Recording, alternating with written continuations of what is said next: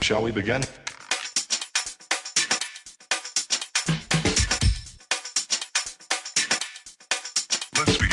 Jeden podcast, jedna misja, jedyne takie miejsce, w którym możesz posłuchać rozmów z podcasterami o ich podcastach i pasjach, o ich pierwszych krokach podcastingu, sprzęcie i finansach. Przed Wami gospodarz audycji Krystian Zych i jego dzisiejszy gość. Życie nie zawsze jest łatwe i przyjemne. Czasami los rzuca nam kłody pod nogi i stajemy w obliczu naprawdę trudnych wyzwań. Dobrze jest porozmawiać o swoich problemach z innymi osobami, ale również dobrze jest posłuchać, co na temat problemów podobnych do takich jak nasze mówią inne osoby, osoby, które już y, podobne historie przeżyły, osoby, które już z podobnymi problemami sobie poradziły. Takimi rozmowami zajmuje się mój dzisiejszy gość, autorka podcastu Słucham Gadam, osoba, która robi tysiąc rzeczy na raz, ale zawsze ma czas na wysłuchanie historii innych osób. Dzisiaj moim gościem jest menedżer restauracji, księgowa, kadrowa, nauczycielka, reżyserka, pracownik radia, specjalistka do spraw szkoleń i rozwoju i nie wiem, czy wszystko wymieniłem. Kamila Goryszewska. Witam cię serdecznie. Cześć. Skąd tyle tego wszystkiego? Wiesz co, ja mam takie życiowe motto, że kawa nie wyklucza herbaty. Zawsze było mi się bardzo trudno zdecydować. I zawsze miałam bardzo, najbardziej męczące dla mnie było rezygnowanie z czegoś albo podejmowanie decyzji, co wybrać. Mhm. Ale też jest tak, że dużo rzeczy mnie po prostu interesowało. Y, Jak poznawałam nową osobę albo poznawałam, znajdowałam się w jakiejś nowej sytuacji i nagle się okazywało, że coś lubię robić, coś mi sprawia przyjemność, albo czegoś bym się bardzo mocno chciała nauczyć, to tak się po prostu toczyło. No tak, tak ale, mi się zrobiło takie wykształcenie i taki, taki dorobek zawodowy. ale różnorodność ogromna, bo z jednej strony nauczycielka, tak, miała filologię polską skończyłaś, z drugiej strony księgowa, czyli no zawód zupełnie, zupełnie jednak odmienny. Gdzieś po drodze jeszcze się menedżer w restauracji hotelowej znalazł, tak? Dobrze pamiętam?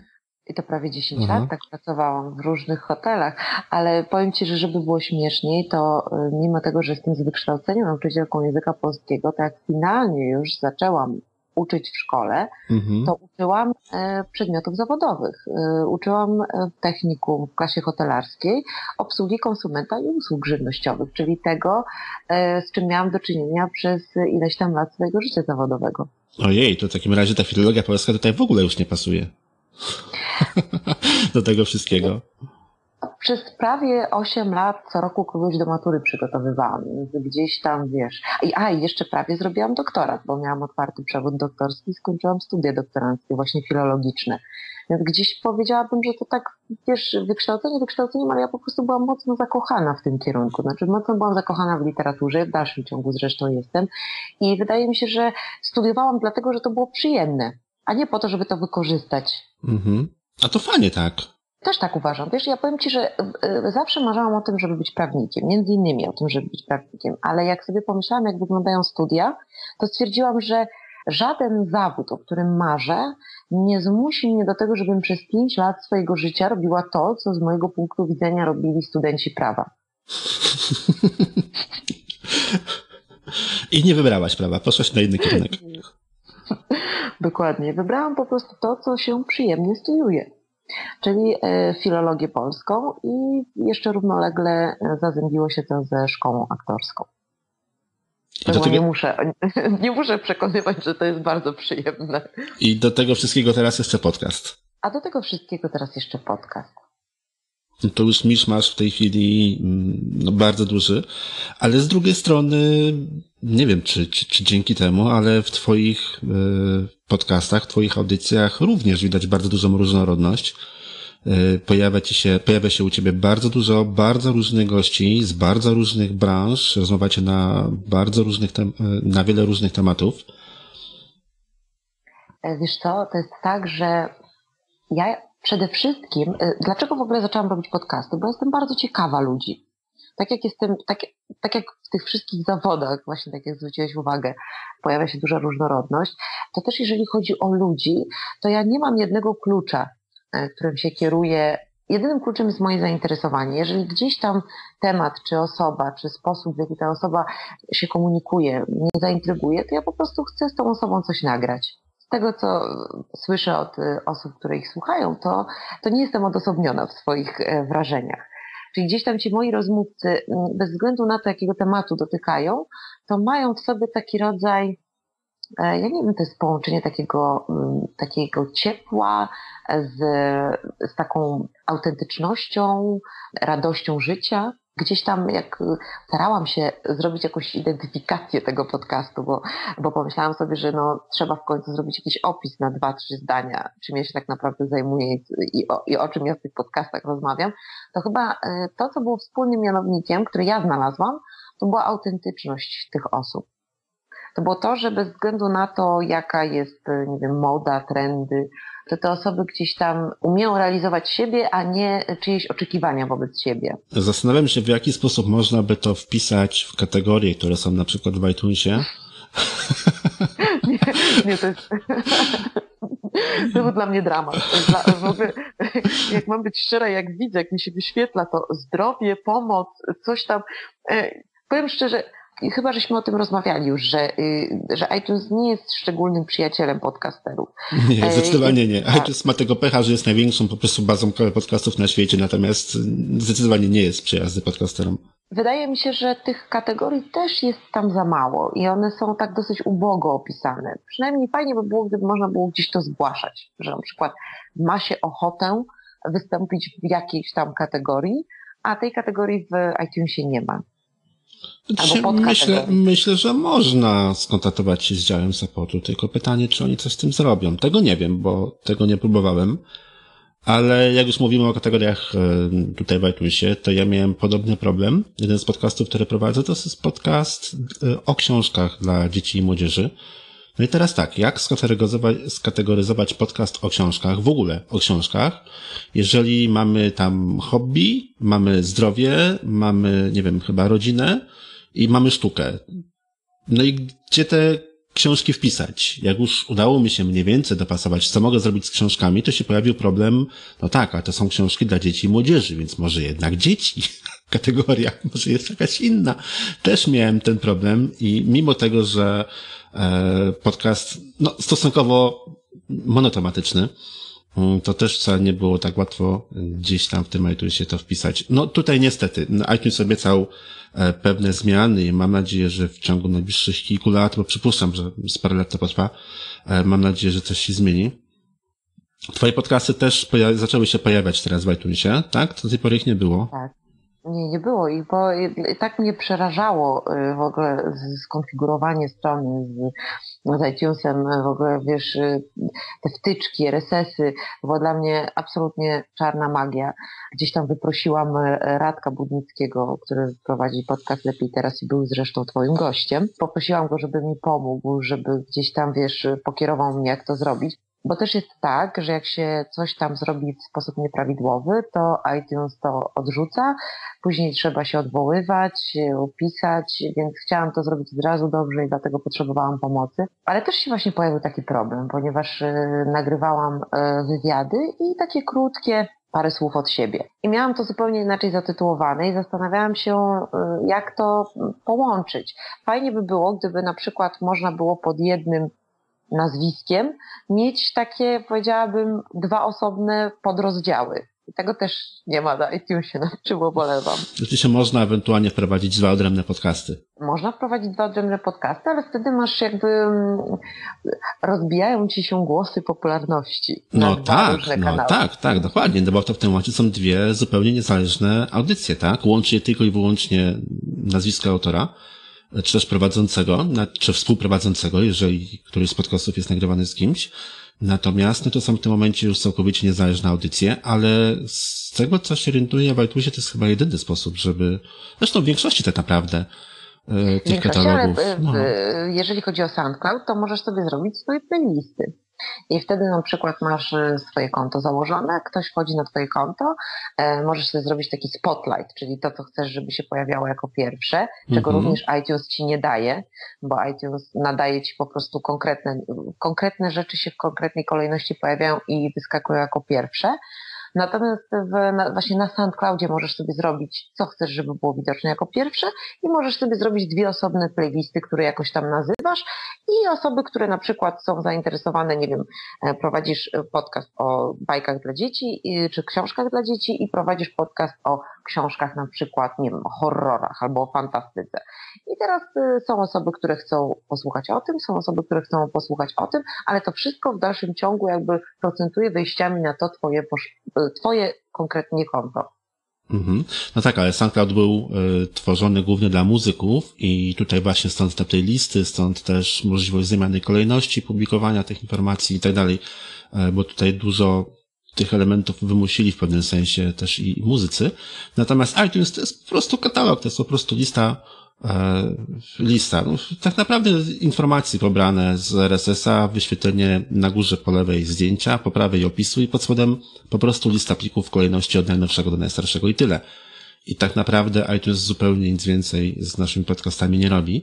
No SoundCloud w tym momencie jest dużo bardziej rozbudowany. SoundCloud, czy ostatnio dosyć popularny Spreaker, to jest platforma dedykowana już tutaj przede wszystkim dla podcasterów, ale E, dużo bardziej rozbudowana, mm, no, momentami prawie tak jak SoundCloud. E, I tutaj wszystkie te tak naprawdę aplikacje czy systemy, e, jeżeli chodzi o możliwość konfiguracji, o łatwość obsługi, to z iTunesem wygrywają. Ty publikujesz swoje audycje w SoundCloudzie, ale ty masz więcej tego niż tylko i wyłącznie swój podcast, bo na twojej stronie na przykład są audycje, których w podcaście nie ma. Tak. W zeszłym roku współpracowałam z Radiem Medium Publiczne i tam prowadziłam audycję Teraz Trzeźwo e, o różnych formach terapii uzależnieniowej i, z, i, ro, i również rozmowy nie tylko z terapeutami, ale również, ponieważ sama taką terapię przeszłam, to również z osobami, które poznałam podczas e, takiej terapii. Trochę, powiedziałabym, w takiej formie, jak to fajnie jest y, żyć i nie pić, ale też jakby mm, pokazujące niestandardowe formy pracowania y, nad uniezależnianiem się od uzależnień. I te rozmowy można znaleźć na mojej stronie. One się znajdują innymi w zakładce uniezależnieni. Też y, są na SoundCloudzie, też są w katalogu medium publicznego. I też w medium publicznym nagrywałam cykl audycji pod tytułem Ciało nieobce. I tak sobie ciągle, i w tym ciele, ciele nieobcym jest dużo rzeczy wokół ciała, takich czasami bardzo przyziemnych i prozaicznych, a czasami takich powiedziałabym trochę bardziej niejednoznacznych, jak na przykład kwestie transpłciowości, ale też y, na przykład takie tematy jak ćwiczenia mięśni głębokich na miednicy. Więc bardzo, bardzo, bardzo, bardzo różne y, ujęcie tego jednego konkretnego tematu, jakim jest ciało. E, ale ten temat nie jest przeze mnie gdzieś tam zapomniany. On się jakiś czas, co jakiś czas przewija w moich aktualnych e, audycjach i nagraniach. E, natomiast ciągle sobie obiecuję, bo gdzieś tam w medium publicznym my żeśmy praktycznie nie montowali tych audycji. Ciągle sobie tak mówię, że jak miałabym to wrzucić w katalog podcastowy, to bym chciała to tak trochę, wiesz, powycinać te wszystkie pauzy, a ja wtedy w ogóle nie miałam, wiesz, ja, ja wtedy nie miałam w ogóle pojęcia, że jak ktoś mnie słucha, to nie widzi, że ja patrzę na tą osobę, ta osoba na mnie patrzy i mamy po prostu chwilę pauzy. I że to jest po mhm. prostu okropne, jak się tego słucha. No, w ogóle potem... w radiach, w radiach takich publicznych, w radiach takich bardziej popularnych, czy publicznych, czy prywatnych, wszystko jedno, e, to w ogóle jest ustalone, że przerwa nie może być dłuższa niż ileś tam. Pamiętam, no moja kariera radiowa to się rozpoczęła i skończyła generalnie u mnie jeszcze przed maturą, także to nie była jakaś wielka kariera, ale pamiętam, że na przykład mieliśmy zakaz robienia przerw dłuższych niż jedna sekunda. Nie wolno było. Po prostu jedna sekunda to było maksimum ciszy, mogliśmy, na jakie mogliśmy sobie pozwolić na antenie. I kategorycznie nie wolno było robić dłuższych przerw niż przerwa jednosekundowa. Nagrywając, rozmawiając z kimś, Często robi się przerwę kilku, kilkunastu sekundową, właśnie to, co mówisz, patrzysz na drugą osobę, kiwasz do drugiej osoby, czego potem też nikt nie zobaczy. to są takie, takie, takie niby szczegóły, niby drobnostki, a w nagraniach właśnie audio, gdzie jest tylko i wyłącznie głos, no to potem, potem wychodzi. Tak, potem wychodzi. Dużo rzeczy się dzieje, o których można nie pomyśleć i, i o których ja wtedy nie myślałam. A teraz tak się trochę z tego śmieję, aczkolwiek y, przyznam szczerze, że miałam wtedy ten duży luksus, że było przepięknie wygłuszone studio. A, No ale wystarczyło tak, ale wystarczyło, wiesz, otworzyć okno. To jeszcze były te czasy, jak w Polsce, nie- nie zapomnę tego szczytu NATO. I Mhm. Miałam taką bardzo, powiedziałabym, kameralną, intymną rozmowę i ciągle w tle syreny, helikoptery, po prostu Armagedon. No, ja mam co chwilę w tle też fruwające odrzutowce, bo akurat jakoś tak się złożyło, że często w, w moją stronę akurat startują e, F-16 tutaj spod poznańskiej bazy. I często było tak, że latały tylko i wyłącznie, było ładne słoń, była ładna pogoda, świeciło słoneczko i tylko i wyłącznie do południa. Natomiast ostatnio chyba chyba samoloty już potrafią latać w deszczu, wiesz, i jak jest brzydka pogoda, to też próbają i, i niestety wieczorami też próbają i tutaj dzisiaj przed naszym nagraniem to tak chyba z pół godziny w tej we w te, tylko non-stop ćwiczyli starty, czyli to co najgłośniejsze tak naprawdę. Czasami tak jest. Tak, tak, czasami tak jest, ale też powiem Ci, że jak e, zapraszam osoby do siebie do domu, to jest tak, że e, kurier dokładnie wchodzi w połowie rozmowy. Znaczy, jeżeli jakakolwiek sztuka kurierska była zamówiona i ona ma być w ciągu pięciu dni roboczych, to nie ma znaczenia, czy dostałam informację, że ona będzie w ciągu pięciu dni roboczych wczoraj, czy cztery dni temu, czy trzy dni temu. Ona na pewno będzie w połowie rozmowy. Na pewno. Dlatego to już jestem po prostu przyzwyczajona. Mm, ale też na przykład, co odkryłam, zbawienna moc zasłon, podłóg i wszelkiej maści wytłumiających e, przedmiotów. Natomiast zaczęłam, słuchaj, e, zastanawiać się nad tym, czy nie wyłożyć sobie stołu jakimś kocem, bo zdarzają się osoby, które tak mocno przeżywają rozmowę, że praktycznie każde zdanie akcentują em, takim Aha, stuknięciem. stuknięciem, tak, w stół. Mhm. E, Nie wiem, czy oglądasz serial House of Cards, ale osoby, które mają obrączki lub pierścionki, dodają takiego właśnie e, fra- Frank Underwoodowego, wiesz, akcentu sygnetem w stół nieomal. No tak, tego, że w tym filmie to jest specjalnie zrobione w ten sposób, żeby zaakcentować jego, nie wiem, jakąś tam powagę czy grozę wypowiedzi, tak? Natomiast w nagraniu e, typu podcast, no to bardzo przeszkadza. Jejku, jak to strasznie przeszkadza wtedy, takie wszystkie dźwięki, jakieś takie stukanie, szuranie. Tak, ale wiesz, to jest najgorsze. Widzisz, że ktoś jest w takich emocjach i tak opowiada, opowiada i tak, i tak też go nie wiem, nie wiem. Wiesz, ja nie wiedziałam łapać za rękę. No tak, jak, jak, mu, jak mu przerwać, nie? tak, ale wiesz, ale wiesz, to jest niesamowite, bo to się tak niewinnie wygląda, jak siedzisz i, i, i nagrywasz, natomiast później Mhm. tego odsłuchujesz, to jest mniej więcej tak, jakbym ja, nie wiem, tą osobę młotkiem po głowie waliła. To jest bardziej wręcz czasami y, słychać niż taki jakiś, jakąś intymną refleksję. No i powiem Ci, że zdarzyło mi się takie montowanie 8 godzin, takie prawie milimetr po milimetrze dźwięku wycinanie. Zdarzyło mi się raz. No, mikrofon, mikrofon mnóstwo takich dźwięków wyłapuje. To jest też właśnie element, którego trzeba się nauczyć. My, podcasterzy, w momencie, gdy już mamy ze sobą kilka odcinków, to już często po, po tych pięciu, sześciu odcinkach wiemy mniej więcej, co ten mikrofon wyłapuje, jakie dźwięki, jakich nie wyłapuje, że się nie stuka w stół, tak, że się zdejmuje obrączki, że się podkłada chociażby, nie wiem, chusteczkę papierową pod szklankę z wodą, żeby nie brzęczała. Natomiast osoby, które nie pracują na co dzień z mikrofonem, nie nagrywają się w żaden sposób, czy też nawet nie, nie oglądają żadnych nagrań ze sobą, czy z jakiejś imprezy, czy z jakiejś prelekcji, czy czegokolwiek, to nie zdają sobie w ogóle sprawy, że tego typu dźwięki gdzieś tam w ogóle są, w ogóle nawet na, na, na, te dźwięki nie zwracają uwagi i stukają, bo po prostu mocno gestykulują. Nie wiedzą, że, że to się może nagrać. Albo brązoletki czy kolczyki. To jest y, dopiero po prostu kaskada na, y, na mikrofon. Jak nie daj Boże ktoś po prostu ma, wiesz, jakaś kobieta ma y, tak, wiesz, pięć, sześć obrączek, i, on- znaczy nie obrączek, tylko brązoletek i ona Mhm. tak, wiesz, stuka jedna o drugą. E, To też się nauczyłam, wiesz, żeby prosić osoby już tylko jak widzę kogoś, jak wchodzi, to od razu, to od razu wiesz, tak, buty nieważne, buty nieważne. Parasol spokojnie, można wchodzić, może być mokro, ale tylko tą biżuterię, wiesz, gdzieś tam zdjąć i położyć na bok. Mhm. Tak, ale też na przykład zauważyłam, słuchaj, coś, czego nigdy wcześniej o czym bym w życiu nie pomyślała, że na przykład trzeszcząca podłoga albo skrzypiący stół, to są po prostu, to potem jest tak niesamowicie, w ogóle wiesz, tak jak nadaje takiego horrorowego pobrzmienia, wiesz, w, w całej rozmowie. Wiem, mam trzeszczącą podłogę w domu. Ja mieszkam w ponad, w ponad stuletnim domu, mieszkam, gdzie są oryginalne jeszcze e, deski na podłodze i te deski w jednym z pomieszczeń, pomieszczeniu, przez które akurat dosyć często się przechodzi, e, niestety bardzo głośno trzeszczą i właściwie no, prawie, że każda. Nie, nie sposób przejść przez pokój, żeby nie trzeszczały. I mam problem, bo w momencie, jeżeli nagrywam jakiś podcast, jakąś audycję, gdy ktoś oprócz mnie jest jeszcze w domu, no to zawsze, zawsze te deski potem są dla mnie problemem, koszmarem, który trzeba wyciąć, bo inaczej brzmi jak jakiś po prostu, nie wiem, niedorobiony horror. Tak, tak. Koszmar z ulicy Wiązów. Mhm. Dobra, wróćmy do twoich nagrań. Y, powiedz mi, skąd bierzesz pomysły na kolejne odcinki? Przy tak dużej różnorodności tematów, no musisz mieć milion pomysłów.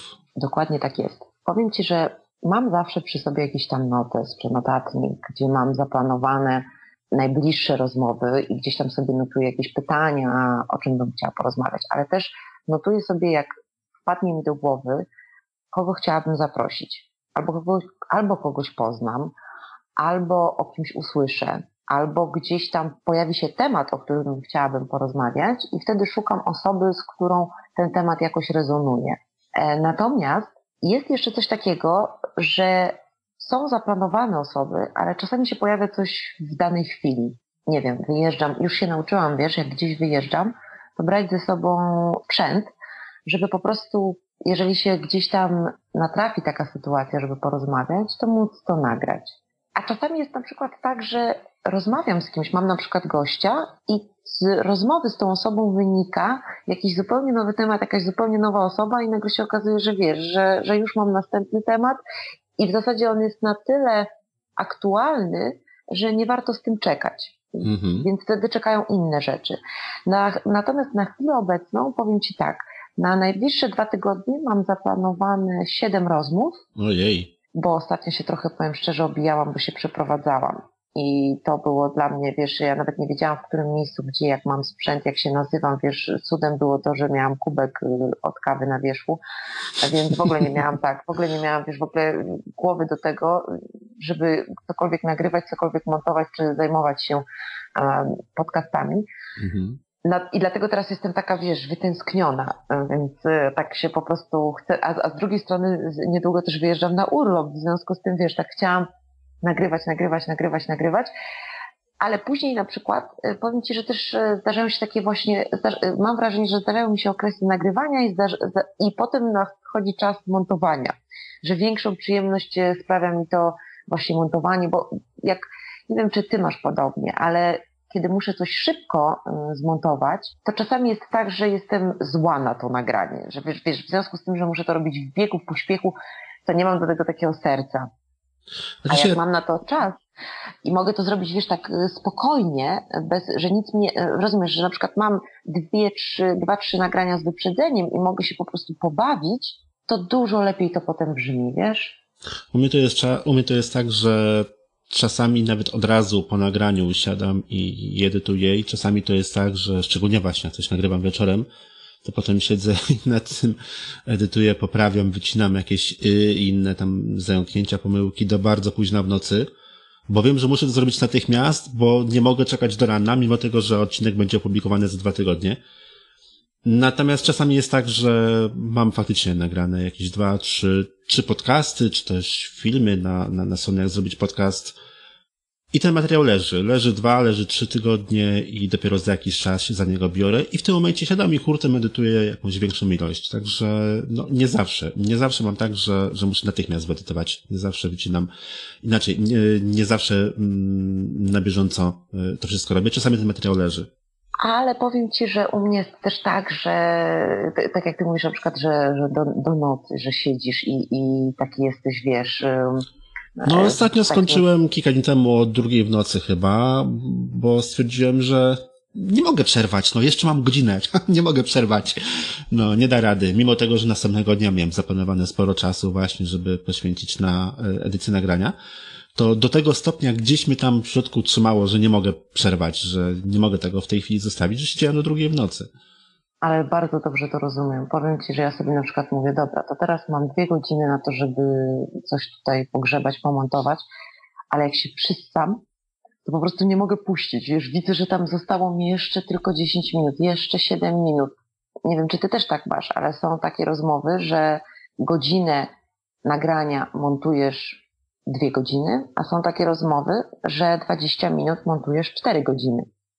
No, wiadomo, wiadomo, zależy dużo od tego, od jakiej jakości jest nagranie, zależy od tego, z kim rozmawiasz, e, jak też elokwentny jest twój rozmówca, tak? Ile błędów popełnia, e, ile jest tematów gdzieś tam po drodze, które gdzieś trzeba powycinać, także zdarza, zdarza mi się, a się generalnie bardzo rzadko mi się zdarza, żebym edytował jakieś nagranie, żebym pracował nad jakimkolwiek nagraniem krócej niż dwa razy długość tego nagrania.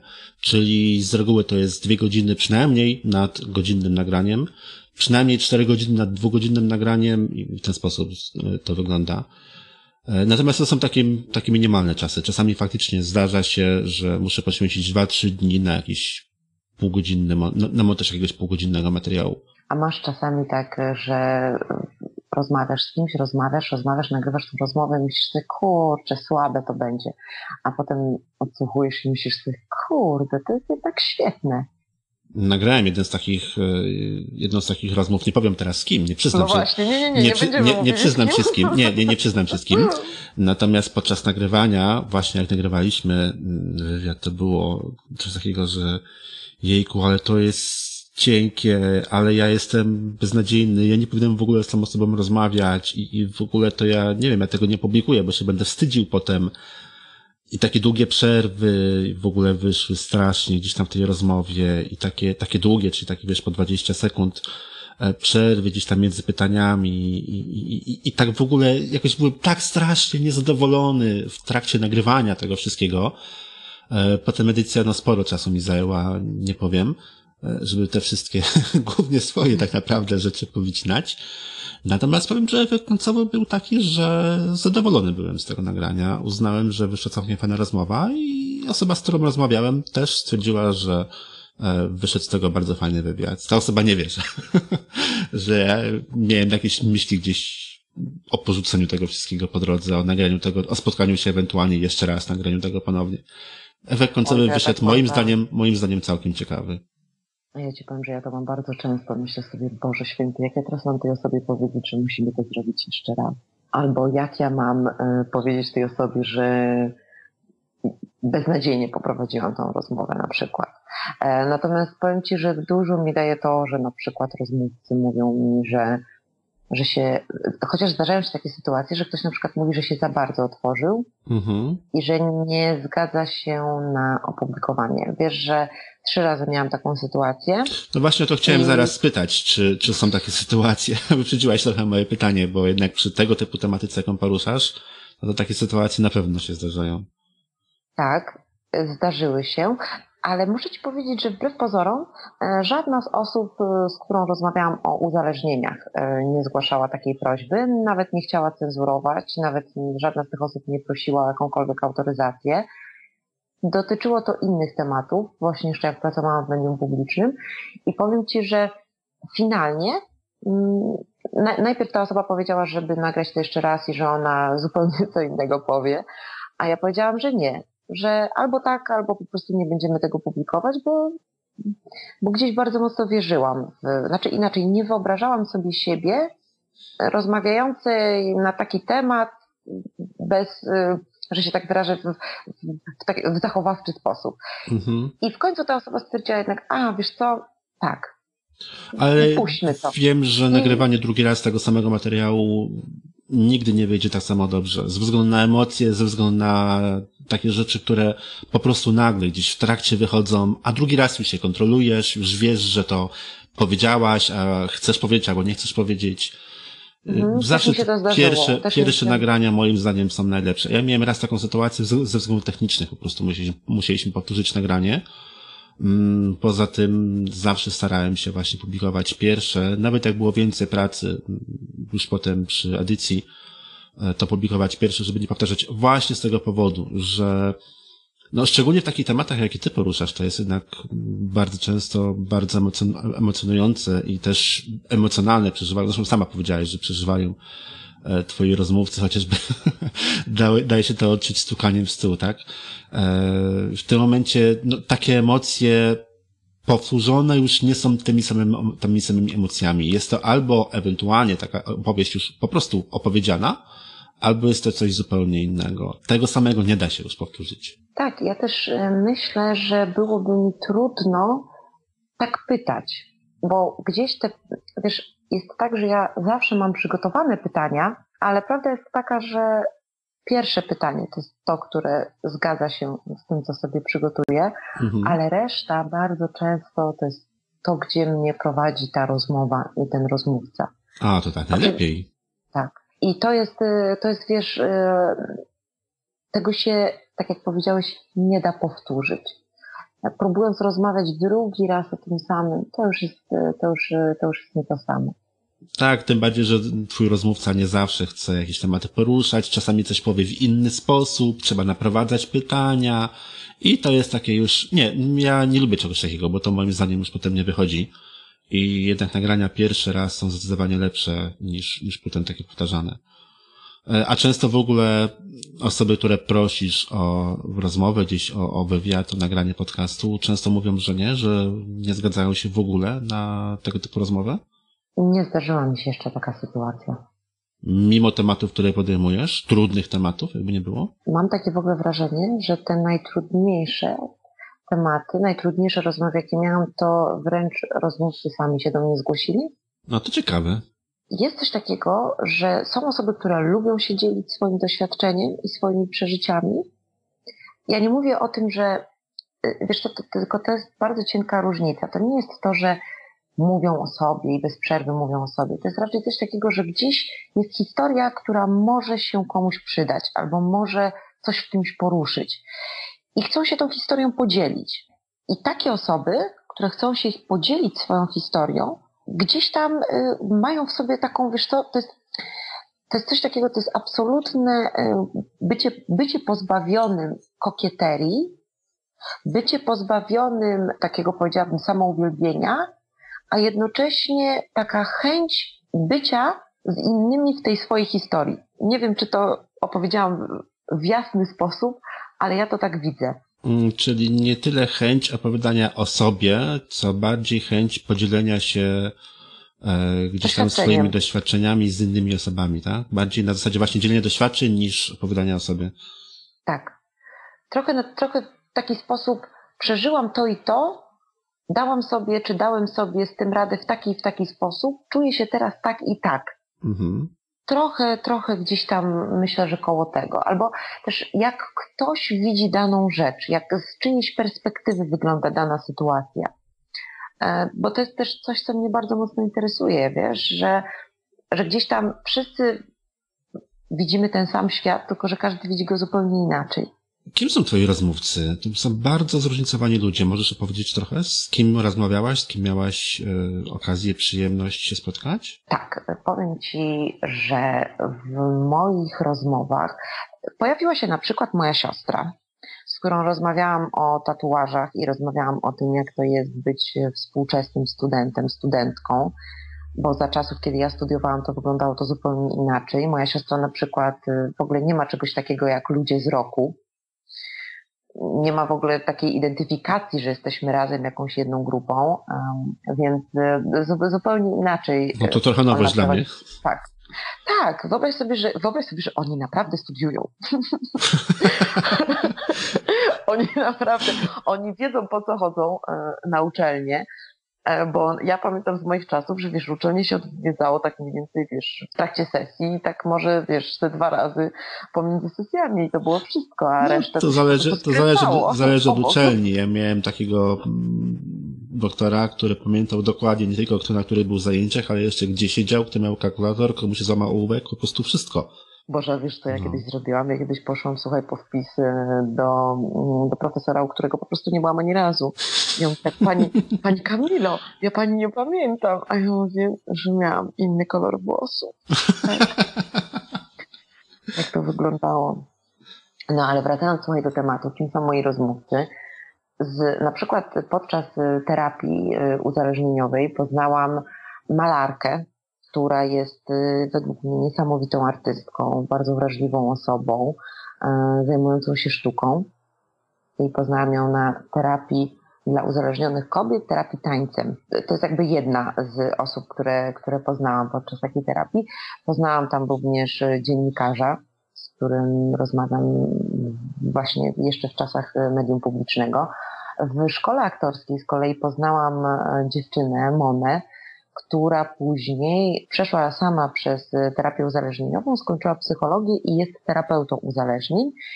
I podczas terapii poznała też swojego męża i rozmawiam z nimi o tym, jak to jest zrobić bezalkoholowe wesele. Zapraszam, zaprosiłam również do rozmowy swoich wszystkich prawie terapeutów. Zaprosiłam również do rozmowy osoby, z którymi współpracowałam w medium publicznym, na przykład e, Elizę, która zajmuje się e, medyczną marihuaną i upowszechnieniem medycznej marihuany i jakby w ogóle w Stanach ona i jej mąż są takimi bardzo znanymi osobami, które właśnie gdzieś tam bardzo mocno e, zasłużyły się temu, e, temu procederowi upowszechniania wiedzy na temat medycznej marihuany. Rozmawiam również, e, rozmawiałam z moją mamą. Moja mama jest psychologiem, głównie zajmuje się problemami dzieci i młodzieży i z nią rozmawiałam na temat tego, dlaczego z roku na rok jest coraz więcej samobójstw wśród dzieci i młodzieży. No właśnie, jak rozmawialiśmy przez chwilę mm, przed nagraniem, to szczerze mówiąc trochę mnie ten temat przeraził. W ogóle to, jest, to, jest, to są tematy, których tak naprawdę nie dopuszczamy często do siebie i często w ogóle nie myślimy o tym, że ktoś taki jak dziecko, jakieś 10 czy 12 latek w ogóle może wpaść na taki pomysł, żeby odebrać sobie życie. Dla mnie, powiem, powiem Ci szczerze, jest trochę niepojęta ta samotność i ta desperacja w podejmowaniu takiego ostatecznego wyboru przez dziecko. I, I powiem szczerze, że właśnie dla mnie to było niepojęte, przerażające, strasznie smutne. I bardzo zależało mi na tym, żeby przekazać osobom, które mają dzieci, które gdzieś tam pracują z dziećmi, co można zrobić, żeby do takich sytuacji nie dopuszczać, jak reagować. Więc też taka rozmowa się znajduje. Jest też rozmowa z... A o co chodzi, o co chodzi z tym wieśniakiem? A o co Ty wieśniaku, ale wiocha, jeden z tytułów twoich odcinków. Poznałam Olgę. Olga jest naprawdę niesamowitą dziewczyną, która y, podróżuje po świecie, jest tłumaczem, wychowywała się za granicą, studiowała za granicą. Natomiast gdzieś tam w sercu zawsze miała swoją wieś Idzbark, y, wieś na Mazurach. I Olga założyła bloga Zdrowy Wieśniak. I ona w ogóle y, jakby jest kompletnie w opozycji do znaczenia, e, jakie przeważnie, jakie jest nadawane słowu wieśniak. Właśnie wieśniak z reguły jest traktowane jako słowo wręcz obraźliwe. Tak, tak, tak. Bardzo, ma bardzo negatywne konotacje i przeważnie jeżeli chcemy kogoś obrazić albo zawstydzić, albo pokazać, że ktoś jest źle ubrany, niewychowany, e, prymitywny, to wtedy tak określamy e, takim mhm no mówimy ty wieśniaku, wieśniacki, wieśniackie. Natomiast Olga uważa, że polska wieś to jest coś po prostu super. E, to jest coś, czym naprawdę możemy się pochwalić przed sąsiadami i nie tylko, że jest pięknie, że jest cudownie, że pachnie, że smakuje, że, że jest niesamowicie. I gdzieś tam Olga jeżdżąc po tym świecie wraca na, do swojego rodzinnego Idzbarka, gdzie prowadziła bardzo dużo różnych zajęć edukacyjnych i, i tak mocno związana z tą społecznością. I opowiada trochę też o takich swoich perypetiach osoby, która gdzieś tam przyjeżdża z wielkiego świata, a jednocześnie jest stamtąd, czuje się stamtąd i, i absolutnie nie wyobraża sobie, że, że gdziekolwiek indziej byłoby jej miejsce na ziemi. Jest też rozmowa z Anną Maziuk, która jest dziennikarką. Bardzo dużo artykułów napisała na temat wilków, na temat w ogóle natury, przyrody, publikuje w polityce, w wysokich obcasach, w zwierciadle. Powiem szczerze, że nigdy nie wpadłabym na to, żeby tropić wilki. No i Anna takie ma hobby, że tropi wilki i opowiada o tym, jak to jest tropić wilki. Ale też na przykład z koleżanką z pracy opowiadam o tym, jak to jest znajdować super fajne rzeczy na śmietniku.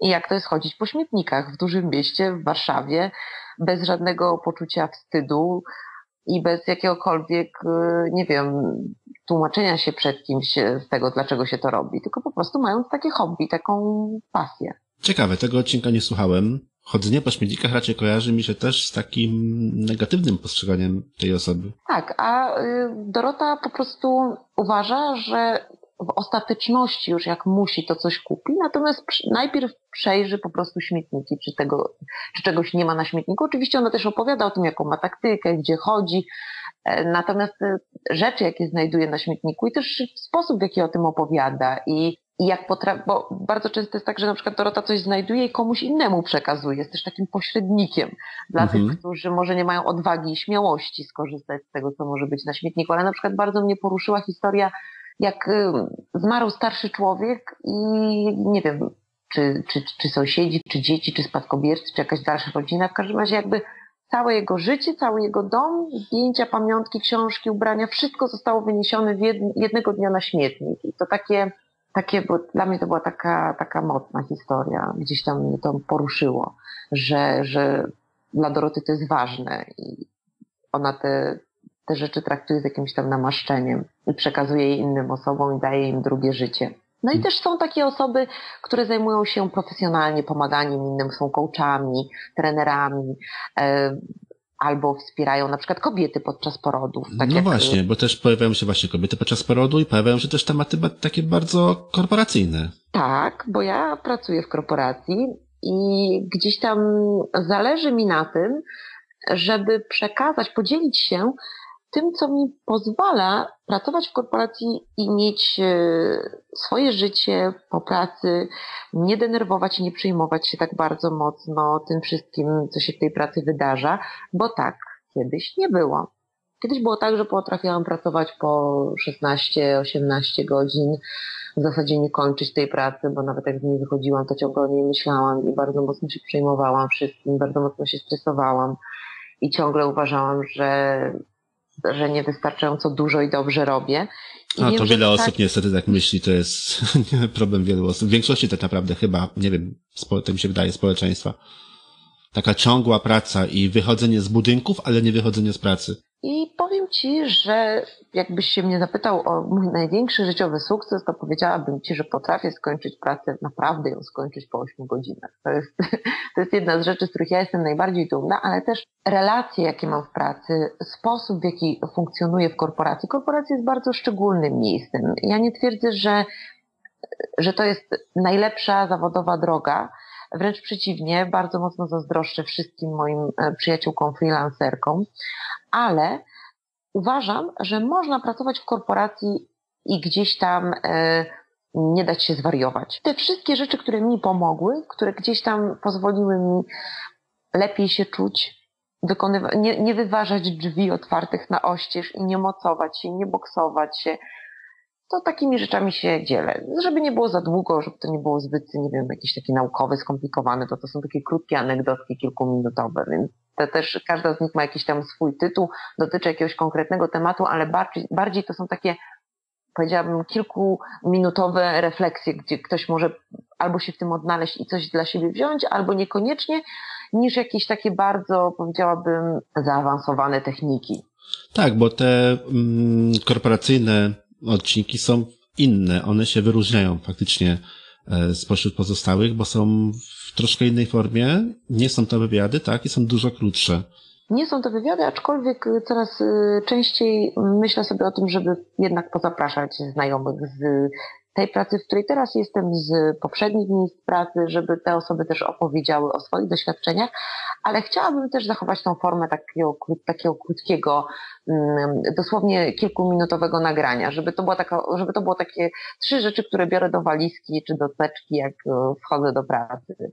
Trzy umiejętności społeczne, które mi pomagają dobrze funkcjonować. Oczywiście do rozmowy chciałabym zaprosić tylko i wyłącznie osoby, które są takim przykładem na to, że można pracować w korporacji, być e, radosnym, spełnionym człowiekiem również poza pracą. Dużo takich osób znasz? Tak, powiem Ci szczerze, że powiem Ci szczerze właśnie, że znam takie osoby i bardzo je podziwiam za to, Mhm. że oddziałują na nie te same stresogenne czynniki, że poddawane są takiej samej presji, e, że wymagania, które są im stawiane, są również coraz bardziej wyśrubowane, a jednak się nie dają zwariować. I każda z tych osób jest inna, o których teraz myślę. Myślę o pięciu konkretnych osobach i te osoby już się też zgodziły, po prostu musimy się zgrać terminami. Ale póki co te wszystkie audycje, które są dostępne, to są takie moje 6-7 minutowe, um, powiedziałabym, zwierzenia. Mhm. No to faktycznie bardzo dużo urozmaicenia to jest. Podobnie jak w całym twoim życiu, to samo i tutaj w tych audycjach. Są rzeczy gdzieś tam jeszcze z radia, są rzeczy odnośnie ciała, są rzeczy odnośnie o, o korporacji, są tematy, tak jak wspomniałaś, żeby o wilkach, tak, czy e, bezalkoholowym weselu. Jest tego tutaj bardzo, bardzo dużo. Przestało mnie dziwić już w tej chwili, e, jak opowiadasz o czym tak naprawdę są te wszystkie odcinki. Przestało mnie dziwić, że ci tutaj przeszkadza brak takiego podziału, takich kategorii czy, czy playlist na iTunesie. Faktycznie bardzo by się tutaj przydały. Tak, y, ale wiesz co, y, powiem Ci, że to też ważne jest, tak mi się wydaje, żeby sobie jednak zadać pytanie, czemu ja tą osobę zapraszam do rozmowy? E, czemu ja z tą osobą na ten temat chcę porozmawiać? Dlaczego uważam, że ktoś chciałby tego posłuchać? Bo powiem Ci, że czasami jest tak, że że mi się na przykład wydaje, że coś jest super wspaniałe, fascynujące i ciekawe, ale to może być bardzo hermetyczne. To może być tylko między mną a tą osobą, gdzieś mocno zawieszone na, na relacji, jaka jest między mną a tą osobą. Niekoniecznie musi się to przenieść na odbiorcę.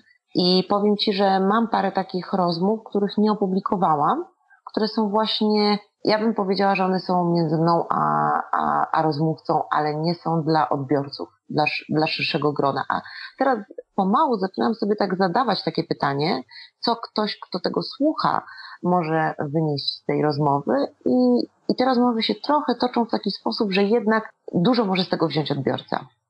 Zastanawiam się tutaj, jak się to przekłada na słuchalność poszczególnych odcinków, bo z tego, co mówisz, to może być tak, że niektóre odcinki są bardzo popularne, a inne praktycznie wcale, tak? Bo mogą być, nie wiem, niezrozumiałe, czy też E, temat może być zbyt trudny albo zbyt dziwny dla odbiorców. Powiem tak? Ci, że. Jak to wygląda tak, w statystykach? w statystykach wygląda to w ten sposób, że wciąż największym hitem jest rozmowa dotycząca mięśni głębokich dna tak, no, tam prawie półtora tysiąca osób tej rozmowy wysłuchało. E, natomiast powiem Ci, że czasami jest tak, że na początku, jak publikuję rozmowę, to jest tak długo, długo nic. Kilkanaście, kilkadziesiąt odsłuchań. I nagle z kilkoma rozmowami tak było. Nagle na przykład, nie wiem, mija miesiąc, ja patrzę i jest 200, y, 300 odsłuchań. I jest też często tak, że tą rozmowę ktoś komuś przesyła. Na przykład ostatnio z jedną z rozmów miałam tak, że się zdziwiłam i gdzieś tam przy okazji rozmawiam z koleżanką, ona mówi, a wiesz, rozmawiałam z takimi ludźmi, pomyślałam, że im to podeślę. Ktoś komuś podesłał, ktoś komuś podesłał dalej, wiesz. Y, mi się wydaje, że zaletą podcastu jest to, że jeżeli on nie dotyczy bardzo bieżących spraw, to może mieć takie swoje drugie, a nawet trzecie albo i czwarte życie.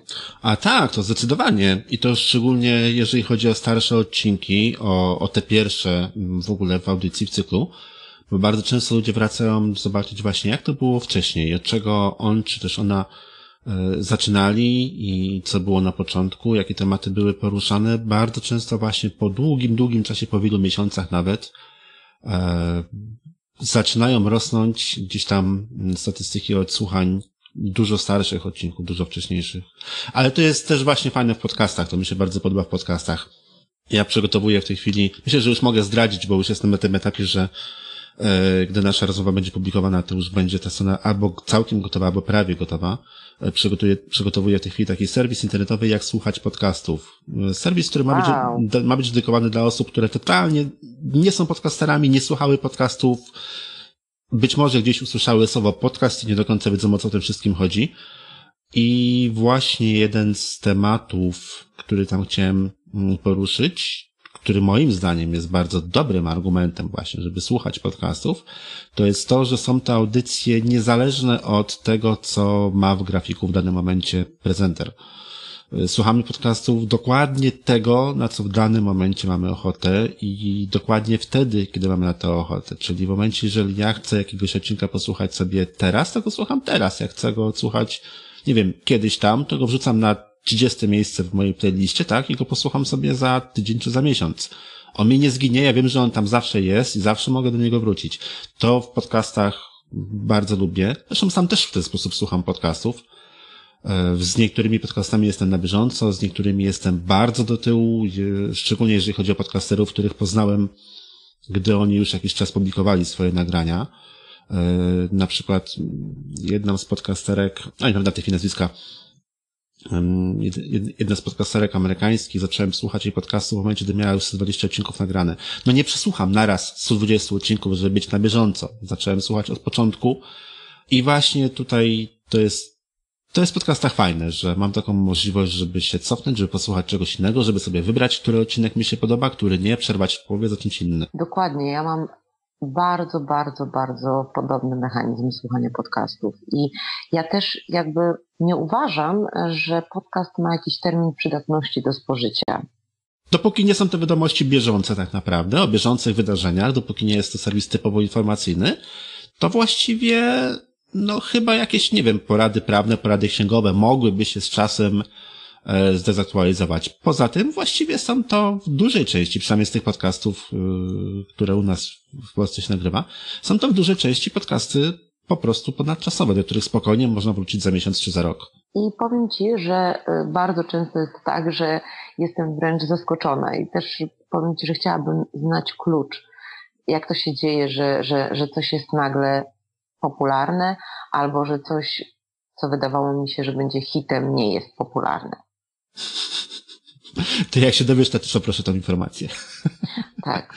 Próbuję sobie, próbowałam sobie, bo próbowałam kiedyś jakiś, wiesz, znaleźć na to klucz, już mi się wydawało, że to łapie i później byłam tak zaskoczona, bo miałam taką rozmowę, która wydawała mi się tak intymna, tak, y, no pomyślałam sobie, to jest w ogóle nie, nie temat chwytliwy, nie taki, wiesz, że nagle ludzie będą Mhm. to sobie podsyłać czy wysyłać. Powiem Ci, że no, przeszło to moje najśmielsze oczekiwania, aczkolwiek głównie słuchały tego osoby, które w ogóle nie korzystają wiesz, z aplikacji czy z SoundClouda, po prostu słuchały tego przez stronę. No właśnie, o tym, jest tak. o tym też wcześniej rozmawialiśmy jeszcze przed nagraniem. Mm, Spora część osób słucha podcastów właśnie nie przez aplikacje, tylko przez, e, na stronach internetowych. I w tym momencie, no ja się zastanawiałem w jaki sposób, bo no, aplikację najczęściej mamy w, tele, w telefonie zainstalowaną, nie na komputerze, tylko właśnie w telefonie i najczęściej tych podcastów słucha się gdzieś tam robiąc coś innego. Gotując, piorąc, sprzątając, biegając, wszystko jedno. E, Natomiast no, siedząc przy komputerze, już słucha, słuchając audycji yy, z komputera, no to jesteśmy w tym sensie ograniczeni, no bo tak, nie za bardzo można w pracy, nie zawsze można, jak jest ktoś jeszcze w pomieszczeniu, bo, bo czasami przeszkadza. E, Nie zawsze da się słuchać w tym momencie na komputerze, jak, nie wiem, na przykład coś gotujemy, bo nam tutaj coś ćwierka, tam coś trzeszczy, tak, na, na tym, na patelni. Eee, i, I nie zawsze wszystko słychać. Nie wiem, nie mam pojęcia, jak to wygląda potem, bo statystyki swoje, a jednak tutaj, no, logika jednak kazałaby myśleć, że, że jest zupełnie inaczej, że jednak na komputerach tych podcastów się nie słucha. A mimo wszystko jednak tych słuchaczy jest całkiem sporo. Krystian, czy ty czasami robisz prasowanie? Nie. Jak muszę założyć jakąś elegancką koszulę i nie nadaje się do tego, żeby ją założyć prosto z tego, z szafy, no to ją prasuję. A wyobraź sobie, tak że masz tym- taką stertę tym prasowania, taką wielką, wielką stertę prasowania. Nie, no tak, no kiedyś to jest, to jest rewelacyjny czas, żeby posłuchać podcastów, owszem. I podobno również, e, słuchaj, koleżanka mi opowiadała, że jak przed świętami, wiesz, czyściła srebra, e, w sensie taką, wiesz, sztućce i takie, wiesz, polerowała Mhm. je taką serwetką i tak siedziała i, i jeszcze mówi, że jak pastuje buty wszystkie też dla całej rodziny. No to też jest taki bardzo, bardzo dobry moment. Ale wiesz, są osoby, które mają na przykład, no nie wiem, jeżeli niekoniecznie mówimy o komputerze, mówimy o laptopie, wiesz, otwierasz sobie w kuchni laptopa i gotujesz, y, cokolwiek robisz w kuchni i możesz sobie słuchać bez problemu, jeżeli masz, wiesz, w miarę przyzwoite głośniki. No, z tymi głośnikami laptopa to jest różnie. Właśnie o to mi chodzi, że nie zawsze da się słuchać. Aczkolwiek z drugiej strony też podcast, to, to, to nie jest jakaś bardzo wymagająca muzyka. To jest głównie y, tak naprawdę słowo mówione tylko i wyłącznie i, i tutaj jakość może być trochę gorsza. Myślę, że to tak bardzo też nie przeszkadza. No ale widzisz właśnie przez to rozproszenie, że w różnych kanałach się słuchają, trudno jest wyciągnąć tak naprawdę te statystyki. I tak samo jeżeli chodzi wiesz, o wejście na stronę, powiem Ci, że na przykład czasami daje mi do myślenia to, że w jakimś momencie nagle okazuje się, na przykład jak wypuszczam jakiś nowy odcinek, że akurat przy tym odcinku wzrosły mi wskaźniki osób, które odwiedzają kilka rzeczy podczas jednego wejścia. Czyli powiedzmy, coś, ja tak wnioskuję, że coś mnie na tyle zainteresowało, Mhm. żeby poszukać czegoś jeszcze. Tak, szukałem innych rzeczy. Mhm. Tak. i współczynnik jakby pozostania, czy czas pozostania na stronie jest długi. A są takie momenty, że po prostu wiesz, mam dużo wejść, ale te wejścia są króciutkie i szybko opuszczają stronę. Więc to jest też dla mnie jakiś tam, wiesz, powiedziałabym, jakaś tam powiedzmy wskazówka. Ale nie mam jeszcze, wiesz, algorytmu idealnego stworzonego, ale jak będę miała, to nie zapomnę o tym, co chciałeś, żeby ci o tym opowiedzieć. No nie wiem, też za bardzo nie wiem w jaki sposób to funkcjonuje. E, jeżeli chodzi o podcasty, to w ogóle część osób nie wejdzie na twoją stronę, bo wejdzie od razu na SoundClouda, e, część nie wejdzie ani na stronę, ani na SoundClouda, bo zasubskrybuje na telefonie i tutaj tak, też... Tak, ale wiesz, na no. przykład ja mam osoby, które mi powiedziały, że one w ogóle mnie nie będą słuchać, dopóki się nie pojawię, wiesz, e, na iTunesie. Mhm. Od razu mi to powiedziały. Słuchaj, Kamila, ty możesz tam, wiesz, publikować, publikować, dopóki cię nie ma, wiesz, w moim telefonie, to ja cię nie będę słuchać. To mnie bardzo zmobilizowało. I dlatego publikujesz w tej chwili swoje podcasty na iTunesie. Tak, ale jeszcze jest trochę, jeszcze, jeszcze nie wszystkie są tam wrzucone, a myślę, że do końca wakacji się wyrobi, żeby to się tak, wiesz, wyrównało. I potem już będą szły na bieżąco. Tak, i potem już będą szły na bieżąco. Ale z tym też miałam straszny bałagan, zresztą ci się, zresztą marudziłam przed naszą rozmową, jak to właśnie wyglądało. No nie, przeniesienie się gdzieś z podcastami w inne miejsce, czy też dystrybucja podcastów w innym miejscu nie zawsze jest prosta. Tym bardziej, że no bądźmy szczerzy, SoundCloud też nie wszystko ułatwia, tak? I nie wszystko, no to jest serwis dedykowany pod muzyków i nie wszystko z podcastem da się tak fajnie zrobić, chociażby te RSS-y nieszczęsne. Z drugiej strony, w momencie jak masz RSS na swoim komputerze, część plików na, na SoundCloudzie, to już, to już w ogóle w tym momencie tej pracy jest naprawdę dwa razy więcej. I tutaj, no nie dziwię ja się, nie dziwię ci się, nie ja dziwię ci się, że zajmuje to trochę czasu. No ale nie dziwię się, że zajmuje ci to sporo czasu, bo to faktycznie odcinków trochę masz nagranych i jednak pracy przy tym jest. Ile tych odcinków jest? Jest dwadzieścia kilka tych, które są numerowane jako podcast. Tak, plus, oprócz tego plus około jeszcze 20 inne. tych, tak, około 20 z medium publicznego, czyli w sumie tak ze 45 do odsłuchania w tym momencie, y, a jeszcze kilka takich nagranych pomiędzy medium publicznym, a pomiędzy tym jak zaczęłam nagrywać jako słucham gadam, więc tak prawie 50. A skąd tytuł? Słucham, gadam? Wiesz co, najpierw był słucham. E, Najpierw było tak, że ja po prostu uwielbiałam słuchać. I te rozmowy gdzieś tam powiedziałabym, że 5% ja mówiłam, a 95% słuchałam. I pomyślałam sobie, że w zasadzie to jest taka moja podstawowa czynność, która łączy się z tym nagrywaniem podcastu. Że ja słucham i że to mi sprawia przyjemność. No ale potem jednak okazało się, że, że to jest takie nie do końca uczciwe i fair powiedzieć, że ja tylko słucham, więc doszło gadam. I, I to w zasadzie otwiera pole do wszystkich możliwych tematów. To jest w zasadzie przyzwolenie na to, żeby poruszać wszystkie możliwe, wiesz, jakieś tam kwestie, które mi przyjdą do głowy i nie ograniczać się e, co do jakiejś tam, wiesz, tematyki. No nie, no z jednej strony tytuł zdecydowanie cię nie ogranicza i nie szufladkuje, ale z drugiej strony nie słyszałaś, nie miałaś takich głosów, takiej informacji gdzieś od słuchaczy, że nie zawsze do końca wiedzą, o czym tak naprawdę jest twój podcast? Miałam takie informacje. Zresztą tak samo po takim dosyć, na, na samym początku jeszcze takim dosyć enigmatycznym opisie. Ale wiesz co, e, powiem Ci tak, e, jak wpadnę kiedyś na to, jak w, za pomocą dwóch prostych słów nazwać to, o czym mówię, to zmienię nazwę. Ach, to chyba musisz wymyśleć swoje takie słowa, bo chyba takich nie ma w słowniku języka polskiego. W niemieckim byłoby łatwiej z tym ich takim złożonym budowaniem słów, z kilkunastu innych słów. To może by się dało, ale u nas przypuszczam, że byłby problem.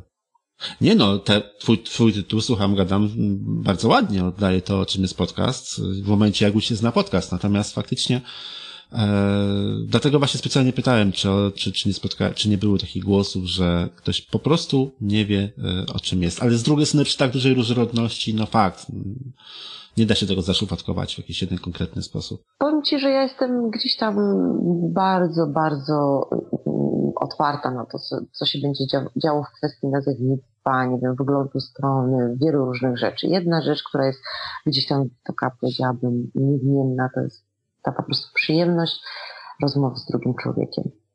Wróćmy na chwilę do radia. W radiu miałaś, wspomniałaś, pracowałaś w porządnym studiu, tak? Z wytłumionym, na pewno porządne mikrofony i tak dalej. Z czego w tej chwili korzystasz? Nagrywasz w domu, to już powiedziałaś. Nagrywam w domu albo w parku. W parku. Zdarza mi się tak. Też można. Się, tak. A w parku to znowu jest problem z wiatrem chyba. Oj tak. powiem Ci, pół rozmowy trzeba było wyrzucić. Yy, to naprawdę było, ale powiem, ale wiesz co, pół rozmowy trzeba było przy montowaniu wyrzucić, ale z drugiej strony są momenty, kiedy ptaki śpiewają, nie ma wiatru i to jest naprawdę super. I to jest naprawdę super. Yy, bardzo fajnie się tego słucha. Także park jest ryzykowny, ale to ryzyko czasami się opłaca. To trzeba Natomiast taki, jeżeli taki, taki, tak. taki włochać, to nie wiem, to Amerykańcy nazywają dead cat, y, czyli nie wiem czemu akurat dead cat. E, Teraz już wiem. Teraz już wiem. Znaczy ja wiem jak to wygląda i to faktycznie wygląda jak trochę taki zdechnięty kot.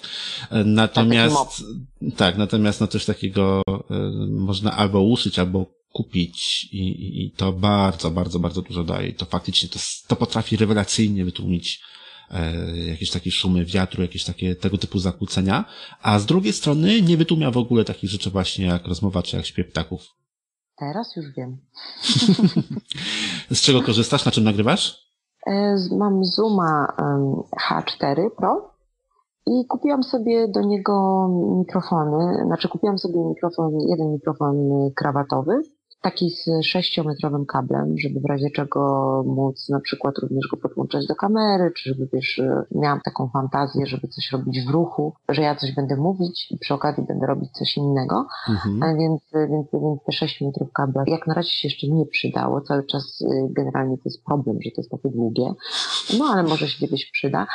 Natomiast powiem Ci, że te mikrofony, które kupiłam, Behringery, one, one są w porządku do momentu, kiedy ktoś nie zaczyna tym mikrofonem ruszać, albo mówić obok, albo go opuszczać, albo go tak w stronę ucha sobie kierować. A jakie to Więc- mikrofony konkretnie? Behringer, pamiętasz symbol? Behringer 8, 8500. XM8500, aha. No i kupiłam po prostu statyw do Zooma, który przepięknie zbiera dźwięk, naprawdę. I dwie, trzy osoby, jak siedzą i rozmawiają, to ta rozmowa jest w zasadzie, ja bym nawet powiedziała, że dużo lepiej nagrana niż jak siedzą rozmawiają do mikrofonu. Z mikrofonem trzeba umieć pracować i tutaj Behringer jest mikrofonem dynamicznym, mikrofonem o tak zwanej charakterystyce, charakterystyce. On zbiera to, co jest z przodu mikrofonu i tylko tak naprawdę to, co jest z przodu. No poza jakimiś takimi głośnymi dźwiękami z otoczenia oczywiście, ale mówię tutaj o głosie i w tym momencie mm, jak ktoś przychyli mikrofon albo się odwróci od niego gdzieś w drugą stronę, jak ktoś mocno gestykuluje albo przekłada mikrofon z ręki do ręki, to niestety, ale to albo nie słychać głosu, albo bardzo mocno słychać jakieś stuknięcia, trzaski i tym podobne. Te Behringery dosyć mocno jednak reagują na jakieś takie dźwięki właśnie e, macania mikrofonu, czy gdzieś stukania nimi. Dokładnie tak. Dlatego dużo łatwiej, ale wiesz, już mi się nie chciało bawić w kupowanie jakichś tam bardziej zaawansowanych mikrofonów, jak zobaczyłam, że, że po prostu Zoom bardzo dobrze zbiera, jeżeli go dobrze ustawić i jeżeli dobrze usadzić siebie i rozmówcę. No wiesz, to nie jest tani sprzęt, to już, Nie. to jest sprzęt, to jest już sprzęt z górnej półki, można spokojnie powiedzieć. No, może nie jest to sprzęt, jakiego się używa gdzieś tam w profesjonalnych studiach nagraniowych, natomiast mimo wszystko i tak uważam, że e, jest to sprzęt z górnej półki. Zresztą tej klasy e, rekorderów, jak właśnie Zoom H4, czy, czy też mm, o podobnych parametrach Tascam DR40 używa się na przykład w rozgłośniach radiowych. Reporterzy, którzy gdzieś tam się e, przemiesz- przemieszczają dużo, którzy gdzieś tam jeżdżą, właśnie często używają tego typu sprzęty. Także no jest to sprzęt już e, o pewnej marce, tak, i, i pewnej jakości. No Zoom faktycznie, on z tymi swoimi mikrofonami, które dosyć dobrze zbierają dźwięk w koło tak naprawdę z każdej strony, dosyć dobrze się nagraje, nadaje do nagrywania kilku osób. Ale wiesz co, ale też powiem Ci, że jest taka jedna rzecz, y, która jest niesamowita, jeżeli właśnie chodzi o Zooma, że w przeciwieństwie do mikrofonów, ja, jeżeli mam nieśmiałego rozmówcę czy rozmówczynię, to robię coś takiego, że umawiamy się, że ja już włączę to nagrywanie, ale jeszcze nie zaczynamy takiej właściwej rozmowy. I tak sobie rozmawiamy o takich, wiesz, niezobowiązujących rzeczach, ta osoba się rozluźnia, rozluźnia, rozluźnia i gdzieś tam mimochodem y, ja zaczynam tą rozmowę od pytania. No tak. I ta osoba już jest Mhm. rozluźniona, ale, ale zapomina o tym. Wiesz, chodzi o to, że zaletą tego Zooma jest to, że on gdzieś tam sobie stoi i można o nim zapomnieć, bo on z bardzo dużych odległości też łapie. A Tak, z mikrofonami mhm. jest tak, że ktoś go ma przed sobą, a jeszcze jak go musi trzymać, albo musi na niego zwracać uwagę, żeby do niego mówić, to jest to krępujące. To jest krępujące, to jest stresujące, tak, i też e, o tym początku rozmowy, co, co, co, co, co powiedziałaś, nie ma tego czegoś takiego, że teraz, dobra, to teraz trzymaj mikrofon i teraz zaczynamy, tak? I powiem Ci jeszcze, bo to też zaczęłam robić coś takiego w pewnym momencie, że nie przedstawiam mojego gościa przy moim gościu, szczególnie właśnie jeżeli to są osoby, które mają problem, żeby się otworzyć. Ja to dogrywam, dołączam później. Natomiast jakby cała rozmowa zaczyna się od pytania, które bardzo często, właśnie tak jak Ci powiedziałam, pojawia się gdzieś tam już po wymianie krótszej lub dłuższej iluś tam zdań na różne tematy. Mhm. Słuszna uwaga dla naszych słuchaczy, dla osób, które przeprowadzają wywiady, szczególnie właśnie z osobami, mm, z gośćmi, którzy nie są za bardzo obyci z mikrofonem, albo którzy po prostu krępują się nagrywania swojego głosu. Bardzo, bardzo celna uwaga. Y, Ja, Ci, ja robię troszkę inaczej. Jeszcze, No, aha, przepraszam, no, no, przepraszam, wiesz co, bo powiem Ci, że mm, po prostu dwa razy mi się tak zdarzyło, że robiłam wywiad i ktoś mi powiedział, że cały czas myślał o tym mikrofonie. E, Mhm. Albo że się cały czas stresował tym. Mhm. No tak, no dla osób niepracujących z mikrofonem to jest stres, ja sobie zdaję z tego sprawę. E, tak samo jak dla osób, które nie występują publicznie, nagle wyjście przed 300 osób na konferencji na przykład, to też jest problem, też jest stres. E, tak samo tutaj z mikrofonem, tak samo jakby te osoby miały pójść do radia czy gdziekolwiek indziej. No to, to są sytuacje dla tych osób nietypowe, tak? A szczególnie jeszcze jak rozmawia się o rzeczach trudnych albo o rzeczach intymnych, to już w ogóle jeszcze ten taki stres przed mikrofonem potęguje. Dokładnie, ale y, przerwałam Ci, a Ty zacząłeś mówić, jak Ty robisz. Znaczy, no ja robię troszkę inaczej, ponieważ ja nagrywam, dzisiaj ja mam dwa podcasty. Jeden z nich nagrywam wspólnie z, z koleżanką, która jest bajarzem z, z zawodu, po prostu opowiada zawodowo, zajmuje się opowiadaniem bajek. Nagrywamy razem podcast o, ten właśnie o książkach dla dzieci, podcast Co się czyta, o którym wcześniej wspomniałem. Mm, I, i tam, owszem, pojawił się tam jakiś wywiad, tych wywiadów będzie więcej, ale też głównie z osobami, które w jakiś tam sposób czy pracują swoim głosem, czy też ym, prezentują siebie gdzieś, gdzieś na forum. E, Natomiast drugi podcast to jest właśnie porozmawiamy o podcastach, gdzie rozmawiam tylko i wyłącznie z podcasterami, z osobami, które już też same coś nagrywają, już wiedzą jak działa mikrofon, potrafią z niego skorzystać. Także ja nie mam tego problemu. Moi rozmówcy, ja nie muszę swojego rozmówcy pilnować, żeby trzymał mikrofon, nie muszę pilnować, żeby mówił dobrą stronę, tak, żeby ten dźwięk dało się zarejestrować, żeby gdzieś tam nie, nie, nie rzucał kablami, mikrofonem, czy nie szorał za bardzo. Bo moi rozmówcy to są już osoby, które po prostu wiedzą, e, jakie dźwięki, w jaki sposób są nagrywane, więc mi jest łatwiej, zdecydowanie tym, tym względem. Ale faktycznie, to co powiedziałaś, to jest bardzo celna uwaga dla e, osób, które robią wywiady, które nagrywają podcasty, a jest takich podcastów na szczęście e, coraz to więcej. Na szczęście, bo one są bardzo ciekawe, e, właśnie nagrywane z osobami, które na co dzień podcasterami nie są i na co dzień nie są zawodowcami, jeżeli chodzi o obsługę mikrofonu, o nagrywanie siebie, czy przed kamerą, czy e, przed mikrofonem.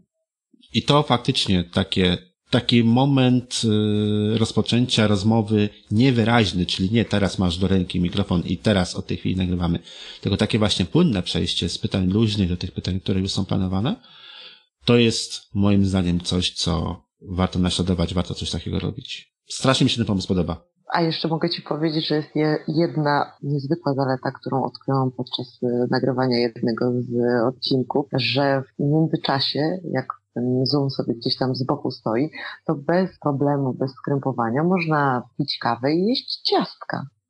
Można, masz Oczywiście to ręce słychać, masz wolne. No to słychać, słychać, to słychać. słychać, tak. I chrupanie ciastek słychać i stukanie filiżanką słychać.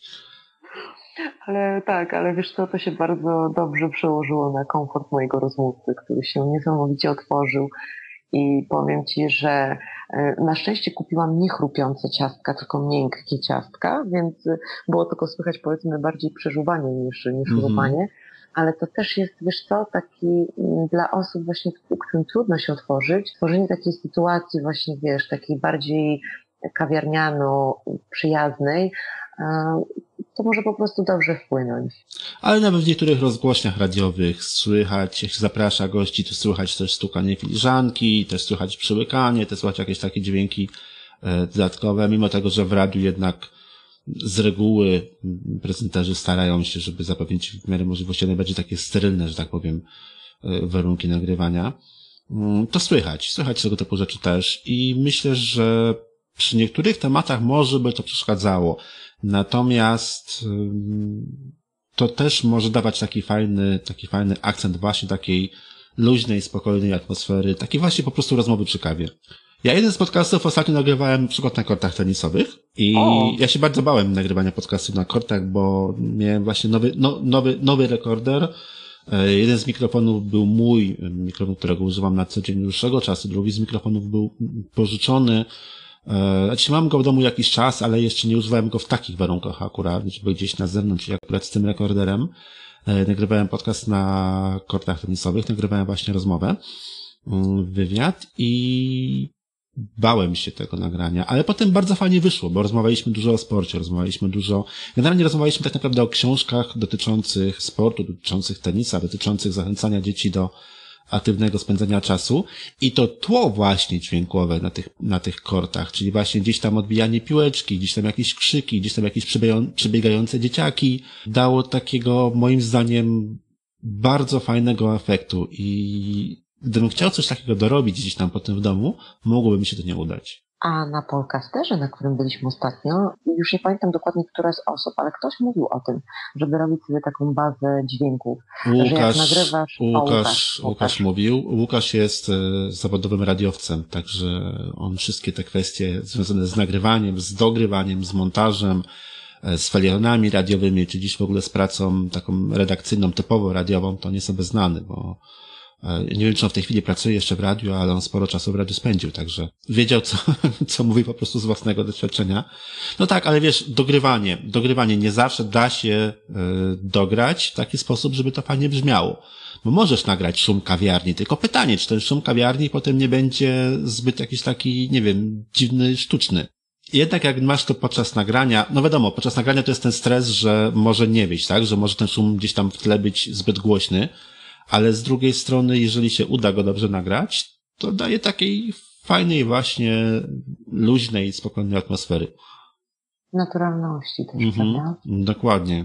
Wielu podcasterów dąży do tego też właśnie, żeby zapewnić sobie takie radiowe warunki nagrywania, czyli właśnie wygłuszone studio, bardzo wysokie klasy mikrofony, gdzieś tam strasznie drogi sprzęt, uszczelnienia, wyciszenia, nie wiem, laptopy specjalnie chłodzone inaczej niż jakimś głośnym wiatrakiem. No i rozmawiają potem z kimś, nie wiem, nagrywają rozmowę przez Skype'a czy przez telefon, druga osoba ma mikrofon wbudowany w laptopie, byle jaką kamerkę, tak, i efekt końcowy jest taki, że i tak rozmowa jest taka, jak słabsza strona nagrania. No, ale prawda jest taka, że jeżeli rozmowa jest ciekawa, to myślę, że się zawsze obroni, nawet jeżeli są tam jakieś drobne mankamenty techniczne. Ja na przykład się z takim odbiorem spotkałam. Usłyszałam parę razy takie zdanie, że wiesz co Kamila, jeżeli chodzi o te twoje rozmowy, to najfajniejsze są te, kiedy po prostu rozmówca jest szczery, niczego nie udaje i po prostu otwarcie mówi o jakichś tam e, swoich doświadczeniach. A tam, gdzie ktoś kombinuje, to nawet jest super głos, to wcale się tego fajnie nie słucha. No bo kombinowanie, jakieś oszustwo, jakieś próbowanie, nie wiem, wymyślania na bieżąco różnych rzeczy, to wszystko słychać, to się da wyłapać, da się gdzieś tam potem znaleźć po chociażby innym tonie, innej barwie tonu, innym, innej prędkości, innym oddechu. To są rzeczy, na które nie zwracamy uwagi rozmawiając z kimś czteroczy, ale które słychać, jeżeli mamy tylko i wyłącznie audio nagrane. No właśnie ja się zastanawiałam, czy inni też to słyszą, czy, czy po prostu gdzieś tam ja na to jestem jakoś tak szczególnie wrażliwa, ale widzę, że ty też na to zwracasz uwagę. Ja myślę, że większość nas to słyszy. W momencie, jeżeli kogoś oglądamy w telewizji, to zwracamy uwagę na coś innego. Bo to się porównuje w tej chwili słuchanie do oglądania, tak? W momencie, jak oglądamy kogoś, to patrzymy na jego zachowanie, na jego ruchy, na jego ręce, e, na jego oczy, na usta i jeżeli ktoś ma dobrze wyćwiczoną mimikę, a ręce schowa pod stół, to czasami możesz się nie połapać, czy patrząc na tę osobę, czy zmyśla, czy nie zmyśla. Natomiast głos dużo więcej zdradzi, a w momencie, jeżeli nie mamy tego obrazu, to się bardziej koncentrujemy na głosie, żeby właśnie z tego głosu wyłapać wszystkie te emocje, których nie jesteśmy w stanie zobaczyć. Czyli właśnie często z głosu próbujemy e, gdzieś tam wyłapać takie elementy, czy ktoś gestykuluje, czy nie, czy jest bardziej ekspresyjny gdzieś tam, czy więcej e, tańczy wokół tego mikrofonu, bo to też czasami daje się usłyszeć. I myślę, że to nie tylko ja, czy nie tylko ty, myślę, że to po prostu większość osób w ten sposób reaguje, jeżeli ma takie nagranie, czyli po prostu tylko i wyłącznie głos. Dokładnie tak. Aczkolwiek zdarzyło mi się nie słuchać kilku podcastów. Jest kilka audycji, których nie słucham, które chciałem słuchać, a stwierdziłem, że nie, nie dam rady, właśnie ze względu na fatalną jakość techniczną. Jest kilka takich audycji, których mimo tego, że rozmowy wydawały, mimo tego, że audycje, same nagrania, same e, odcinki wydawały mi się bardzo ciekawe, no niekoniecznie rozmowy, dlatego się e, tutaj poprawiłem, to nie były tylko rozmowy, wydaje mi się bardzo ciekawe, to po prostu jakość techniczna nagrań no zbyt była dla mnie irytująca i nie słucham takich nagrań. I paru rozmówców moich też powiedziało, że kilka razy zrezygnowało ze słuchania podcastów właśnie przez ich jakość. Czyli po prostu e, w, w, tak naprawdę w wykonaniu e, podcasterów wszystko ma znaczenie, ale gdzieś tam, e, gdzieś tam, no mi się wydaje, że też musi być to minimum, prawda? Żeby nie było tak, że ktoś po prostu ma problem z usłyszeniem. Tego, znaczy się tak, na pewno, na pewno lepsza rozmowa obroni się przy gorszej jakości dźwięku. To na pewno, to na 100%. E, bo w tym momencie jesteśmy tak bardzo wciągnięci w temat danego odcinka, że mniejszą uwagę zwracamy na jakość, ale mimo wszystko jednak jakąś tam jakość trzeba tym naszym słuchaczom zagwarantować. Chociaż z drugiej strony wydaje mi się, że też zagwarantowanie jakiejś jakości jest w pewnym sensie też naszą dbałością o naszych słuchaczy i tym, jak im pokazujemy, jak nam na naszych słuchaczach zależy. Bo w momencie, jeżeli wrzucimy byle jakie nagranie, fatalnie zmontowane, z ogromną ilością szumu i z źle nałożonymi efektami, no to, no to nie świadczy tak naprawdę dobrze o nas jako podcastera. To znaczy, że nam to naprawdę nie zależy, żeby nasi słuchacze odczuwali jakiś komfort, czy też radość ze słuchania naszych nagrań.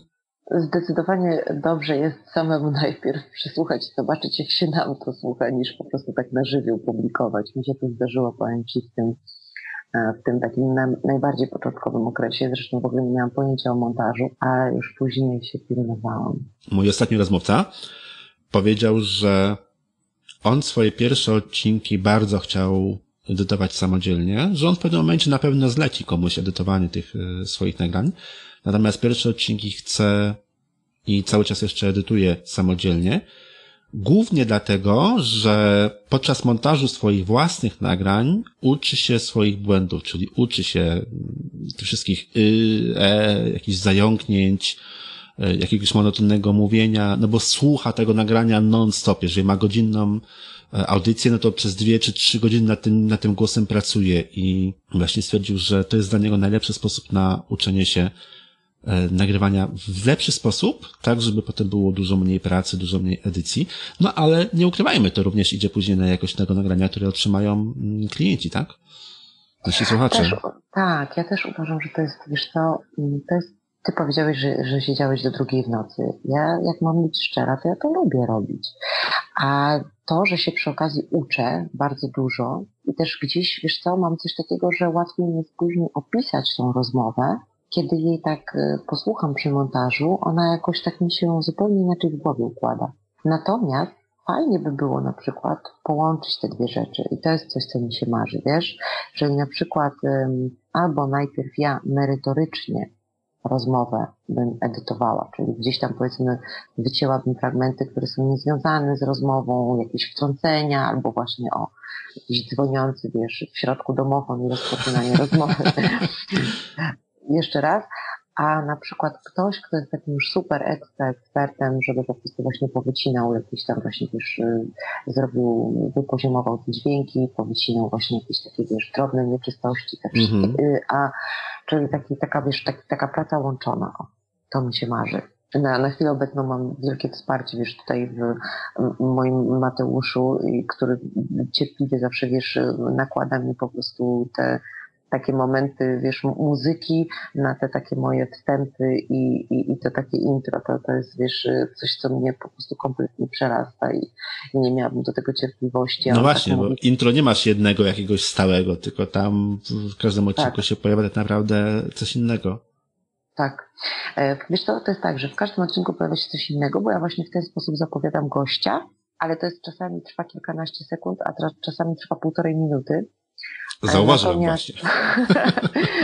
natomiast też mam taką, taki stały fragment, który mówi o tym, o tym, co to jest w ogóle, czym są odkrycia i czym jest jak życie przeżyć w korporacji. Chociaż powiem Ci szczerze, po podcast też tak doszłam do wniosku, że to muszę zmienić, muszę nad tym popracować.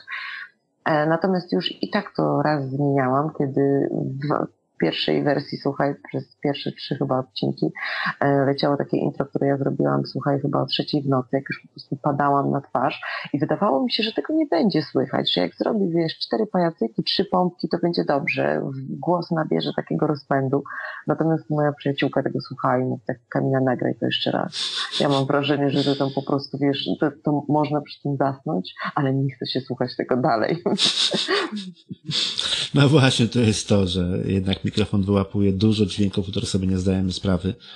I w taki sposób, w jaki często nie zdajemy sobie sprawy, że on w ogóle działa. To jest to, nagrania o trzeciej w nocy słychać. Słychać wyraźnie, że były nagrywane o trzeciej w nocy. Dokładnie. I wiesz co, też zauważyłam, że na, naprawdę y, dużo, dużo lepiej brzmię, y, jak stoję i mówię. O, to tak. Tak, no dlatego na przykład wokaliści w większości przypadków stoją, dlatego w większości przypadków przed kamerami nagrywa się e, na stojąco i dlatego bardzo często lektorzy nagrywając na przykład jakieś partie e, gdzieś ci nakładają głos, nie wiem, chociażby przy produkcji audiobooków, czy, czy, czy gdzieś e, w ogóle udzielając się wokalnie, właśnie często się stoi. I jest też taka sugestia, że podcasterzy również nagrywali swoje odcinki na stojąco. Ja nie nagrywam na stojąco podcastu, nigdy nie byłem w stanie się do tego zmusić. Natomiast... Krystian, dlatego moje są takie krótkie. Moje są takie krótkie, dlatego że ja to robię na stojąco. Te, które ja mówię, to są mhm. właśnie nagrywa. Tak sobie właśnie myślę teraz, że chyba dlatego one są takie krótkie, bo nagrywam je na stojąco. Ale to dobrze, bo lepiej, znaczy tutaj musieliby się specjaliści odezwać, na przykład Magda Gościmska, która też była e, jakiś czas temu gościem e, tak, mojego podcastu, prowadzi podcast megagłos.com, jest jej strona internetowa, jeżeli dobrze pamiętam. E, I Magda właśnie też na podcasterze prowadziła warsztaty i też dużo mówiła właśnie o pracy przeponą. No i w momencie jak siedzimy, to my się tutaj kurczymy bardzo mocno i, i tutaj to oddychanie nie jest takie, jakie powinno być. Zaleca się właśnie, mm, lektorzy tak robią profesjonalni, wokaliści profesjonalni tak robią. Jest zaleca się również dla podcasterów, żeby jeżeli tylko jest taka możliwość, jeżeli tylko się da, to żeby w miarę możliwości jak najwięcej nagrywać na stojąco. Ja nagrywam na stojąco wszystkie materiały szkoleniowe. Te filmy, które idą na YouTube'a, na stronę jak zrobić podcast, najczęściej nie, najczęściej są na siedząco.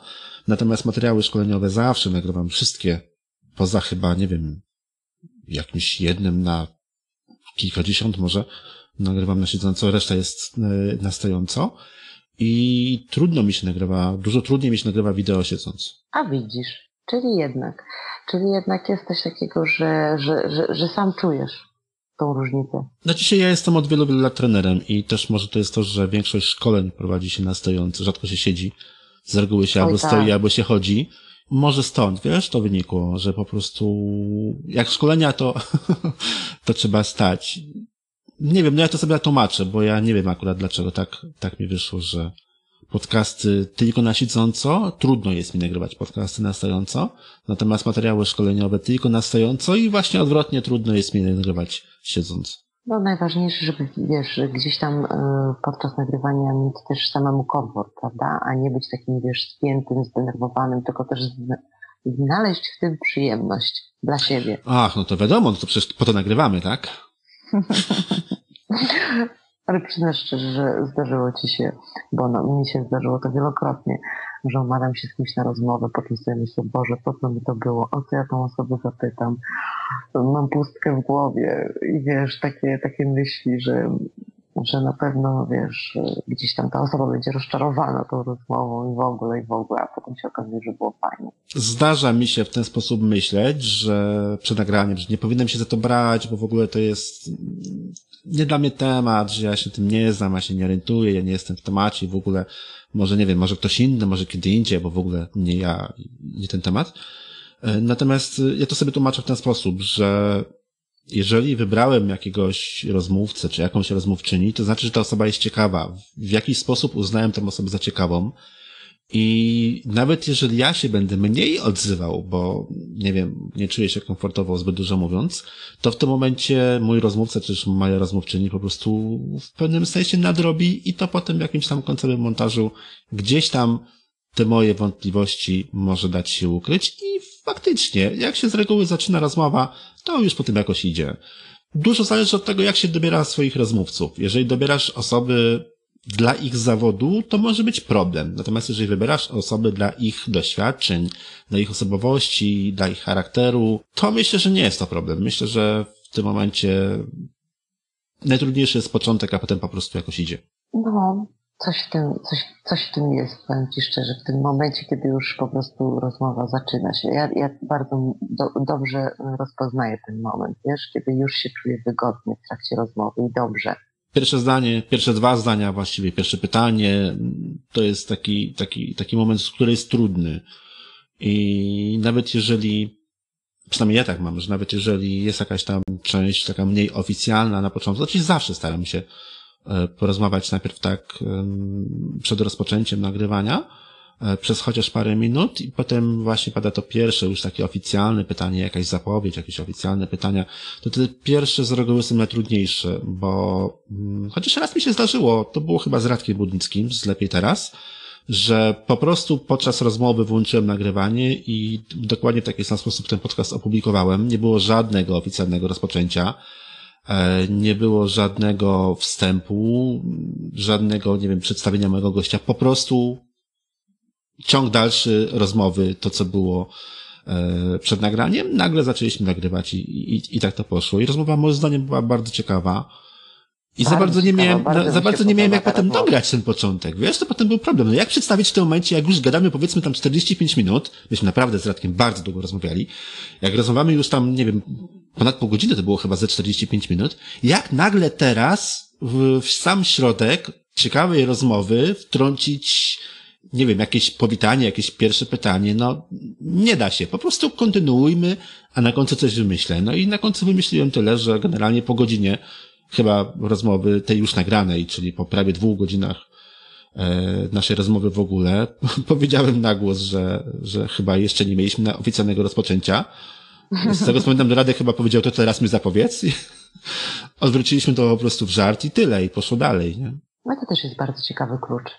E, żeby, żeby rozmowa zaczynała się tak naprawdę od środka. No to mi się raz zdarzyło coś takiego opublikować, bo jednak zawsze gdzieś tam miałem w głowie, że muszą być jakieś tam e, szablony zachowane, aczkolwiek też często nie trzymam się tego, szczególnie na końcu e, rozmowy, nie ma takiego zakończenia jakiegoś oficjalnego, gdzie sam uczę, że powinno być swoją drogą. Właśnie, właśnie z Radkiem Budnickim mieliśmy takie, takie rozpoczęcie właściwie bez rozpoczęcia, bo po prostu gdzieś tam w trakcie rozmowy no zacząłem tylko, wyciąłem tylko fragment zdania, ten, który był urwany i po prostu od całego zdania poszło.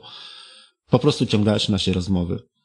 I tyle. I, bez jakiegoś dosztukowywania potem tego powitania. No bo za bardzo potem już nie było jak. Potem mogliśmy ewentualnie na końcu nagrać, ale stwierdziłem na końcu, że jak teraz zaczniemy dogrywać początek, to będzie słychać, że jest on dogrywany, będzie on sztuczny. Tak, a tymczasem jest to rozmowa, która się właśnie tak fantastycznie słucha i ona jest taka naturalna, ma swój rytm i płynie. Ja też powiem Ci szczerze, że jak robię montaż, to bardzo mi zależy na tym, żeby nie zepsuć takiego naturalnego rytmu rozmowy i jakiegoś jej charakteru montażem. Żeby nie robić takiego, wiesz, na siłę czegoś, czego nie ma, czyli jakoś jej dynamizować, nadawać jej innego charakteru, jakoś tak wiesz, skracać dużo, żeby była taka gęsta merytorycznie, bo to się nie zawsze też sprawdza. Wiesz, zrobiłam to ze dwa razy i na przykład usłyszałam od paru osób, że, że nie nadążają, że to jest za, za dużo, za dużo, za szybko. Oczywiście to dużo zależy od odbiorcy, e, bo są osoby, które lubią szybko, ale wtedy możesz sobie właśnie przyspieszyć tak na jakimś, mhm, puścić to dwa razy szybciej. Dokładnie. Natomiast y, osoby, które powiedzmy rozpoczynają swoją przygodę ze słuchaniem podcastów i są przyzwyczajone do takiej radiowej dynamiki, to niekoniecznie spod znaku takich, y, powiedziałabym, dyskotekowo-muzycznych radiostacji, tylko raczej spod znaku tych klasycznych, e, bardziej, wiesz, e, takich e, no, rozmów czy dyskusji, czy takiego, wiesz, takiego, takiej dynamiki zdecydowanie bardziej spokojniejszej, no to takim osobom jest trudno się przy, przy, przestawić na podcast, gdzie ktoś mówi bardzo szybko, bardzo dużo, bardzo gęsto. No, są rozgłośnie radiowe prowadzone w bardzo stonowany, taki powolny sposób i faktycznie ktoś do czegoś takiego przyzwyczajony, to może być problem. Aczkolwiek z drugiej strony ja mam w drugą stronę problem. Ja mam problem ze słuchaniem takich właśnie bardzo spokojnych, bardzo takich stonowanych audycji gdzieś czy, czy, czy nagrań, bo jednak większość tych podcastów, nie wszystkie, ale większość tych podcastów, które, które słucham, e, są nagrywane przez osoby, nawet jeżeli na spokojne tematy, to raczej przez takie dosyć dynamiczne osoby, w związku z czym też tam e, pewne tempo jakieś tam jest narzucone, albo przynajmniej jest jakaś duża dynamika w tych, e, w tych nagraniach. Takich, takich bardzo spokojnych, bardzo takich mm, stonowanych i, i cichych, to z tych, które słucham, to jakoś tak jest stosunkowo mało. Nie to, żebym wybierał akurat tylko takie, które są głośne, ale tak po prostu jakoś, jakoś tak wyszło. Teraz dopiero jak rozmawiam, też nad tym zastanawiam, że faktycznie tak jest. To jest, y, powiem Ci szczerze, bardzo indywidualna sprawa. I, i, I to jest właśnie śmieszne, bo zauważyłam właśnie na przykładzie jednego nagrania, że od dwóch osób usłyszałam, że tego się tak dobrze słucha, bo to jest takie spokojne, a z kolei od innej osoby usłyszałam, że sobie musi to wrzucać to w przyspieszony tryb. bo za wolno. No to zależy od tego, kto co lubi, tak? Od indywidualnych preferencji. Ale są rozmowy, które, wiesz co, które można skaleczyć przez takie nadmierne na przykład wycinanie pauz wszystkich. Znaczy ja nie mówię o takich, wiesz, kilkusekundowych, ale, ale takie, wiesz, wycinanie wszystkiego tak, żeby tak było tylko to gęste samo, to niektórym rozmowom to nie służy. Wiesz, też to zauważyłam. Znaczy powiem Ci tak, jest, e, znaczy ja w tej chwili nie korzystam w ogóle z tego typu opcji, natomiast niektóre programy do edycji mm, audio umożliwiają wycięcie przerw albo skrócenie przerw. E, na przykład e, Adobe Audition działa w ten sposób, że możesz ustalić, że jeżeli przerwa jest dłuższa niż na przykład, nie wiem, pół sekundy, to on ją skraca trzykrotnie. E, I w tym momencie te przerwy, te, które są krótkie, pozostają krótkie, a te, które są dłuższe, on dosyć mocno ogranicza.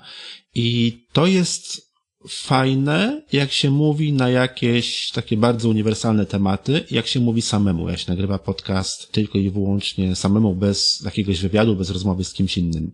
W momencie, jeżeli jest ta rozmowa, to już w tym momencie czasami potrzeba czasu na zastanowienie się, czasami potrzeba specjalnie przedłużyć, żeby pokazać, że ktoś się zastanawia, czy się waha, e, czy że myśli, czy że, nie wiem, nie jest pewnym, czy powiedzieć o jakichś na przykład, nie wiem, trudnych rzeczach, tak? To, to w tym momencie ucięcie takiej przerwy, no, tak jak mówiłaś, okaleczy i, i zniekształci bardzo. To nie radio, tutaj nie musimy się trzymać tego, że przerwa nie może być dłuższa niż sekundę. Dokładnie, na szczęście. Na szczęście. No i w sumie jesteśmy trochę sobie takimi, mm, tak naprawdę, ta wolność i ta niezależność jest strasznie przyjemna dla mnie.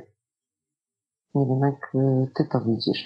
Myślę, tak że dla wszystkich podcasterów to w końcu dlatego nagrywamy, tak? No, większość osób tak naprawdę nagrywa nie dlatego, że ktoś im każe, to ewentualnie jakieś korporacyjne gdzieś tam audycje mogą być tak tworzone, ale właśnie dlatego, że, że po prostu chce, że to lubi. Powiedz mi jeszcze mm, na koniec, bo w sumie odeszliśmy trochę od tych twoich takich audycji, zaczęliśmy mówić trochę bardziej ogólnie. E, powiedz mi, nagrałaś już trochę tych odcinków, masz dwadzieścia parę odcinków podcastu, dwadzieścia coś odcinków jeszcze też takich nagranych dodatkowo poza tą numeracją podcastową, czyli już masz no, całkiem spore doświadczenie. E, jaka według Ciebie byłaby najważniejsza porada dla osoby, która po przesłuchaniu naszej dzisiejszej rozmowy stwierdziłaby, fajnie chcę nagrywać swój podcast? dlaczego chcę to robić. To znaczy, czy bardzo mocno y, chcę o czymś opowiedzieć, czy chcę od kogoś coś usłyszeć.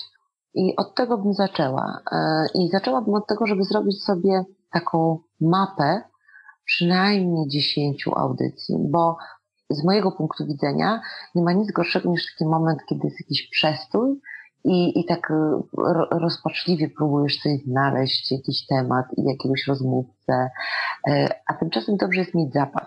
I wydaje mi się też, że jeżeli jesteś w stanie zrobić sobie takich 10 tematów, e, pomyśleć o takich 10 tematach, które mogłyby być motywem przewodnim Twoich odcinków, to trzeba to robić. A jeżeli masz problem z wymyśleniem 10, to może jeszcze warto się trochę pozastanawiać, w którą stronę pójść, jak zebrać te tematy.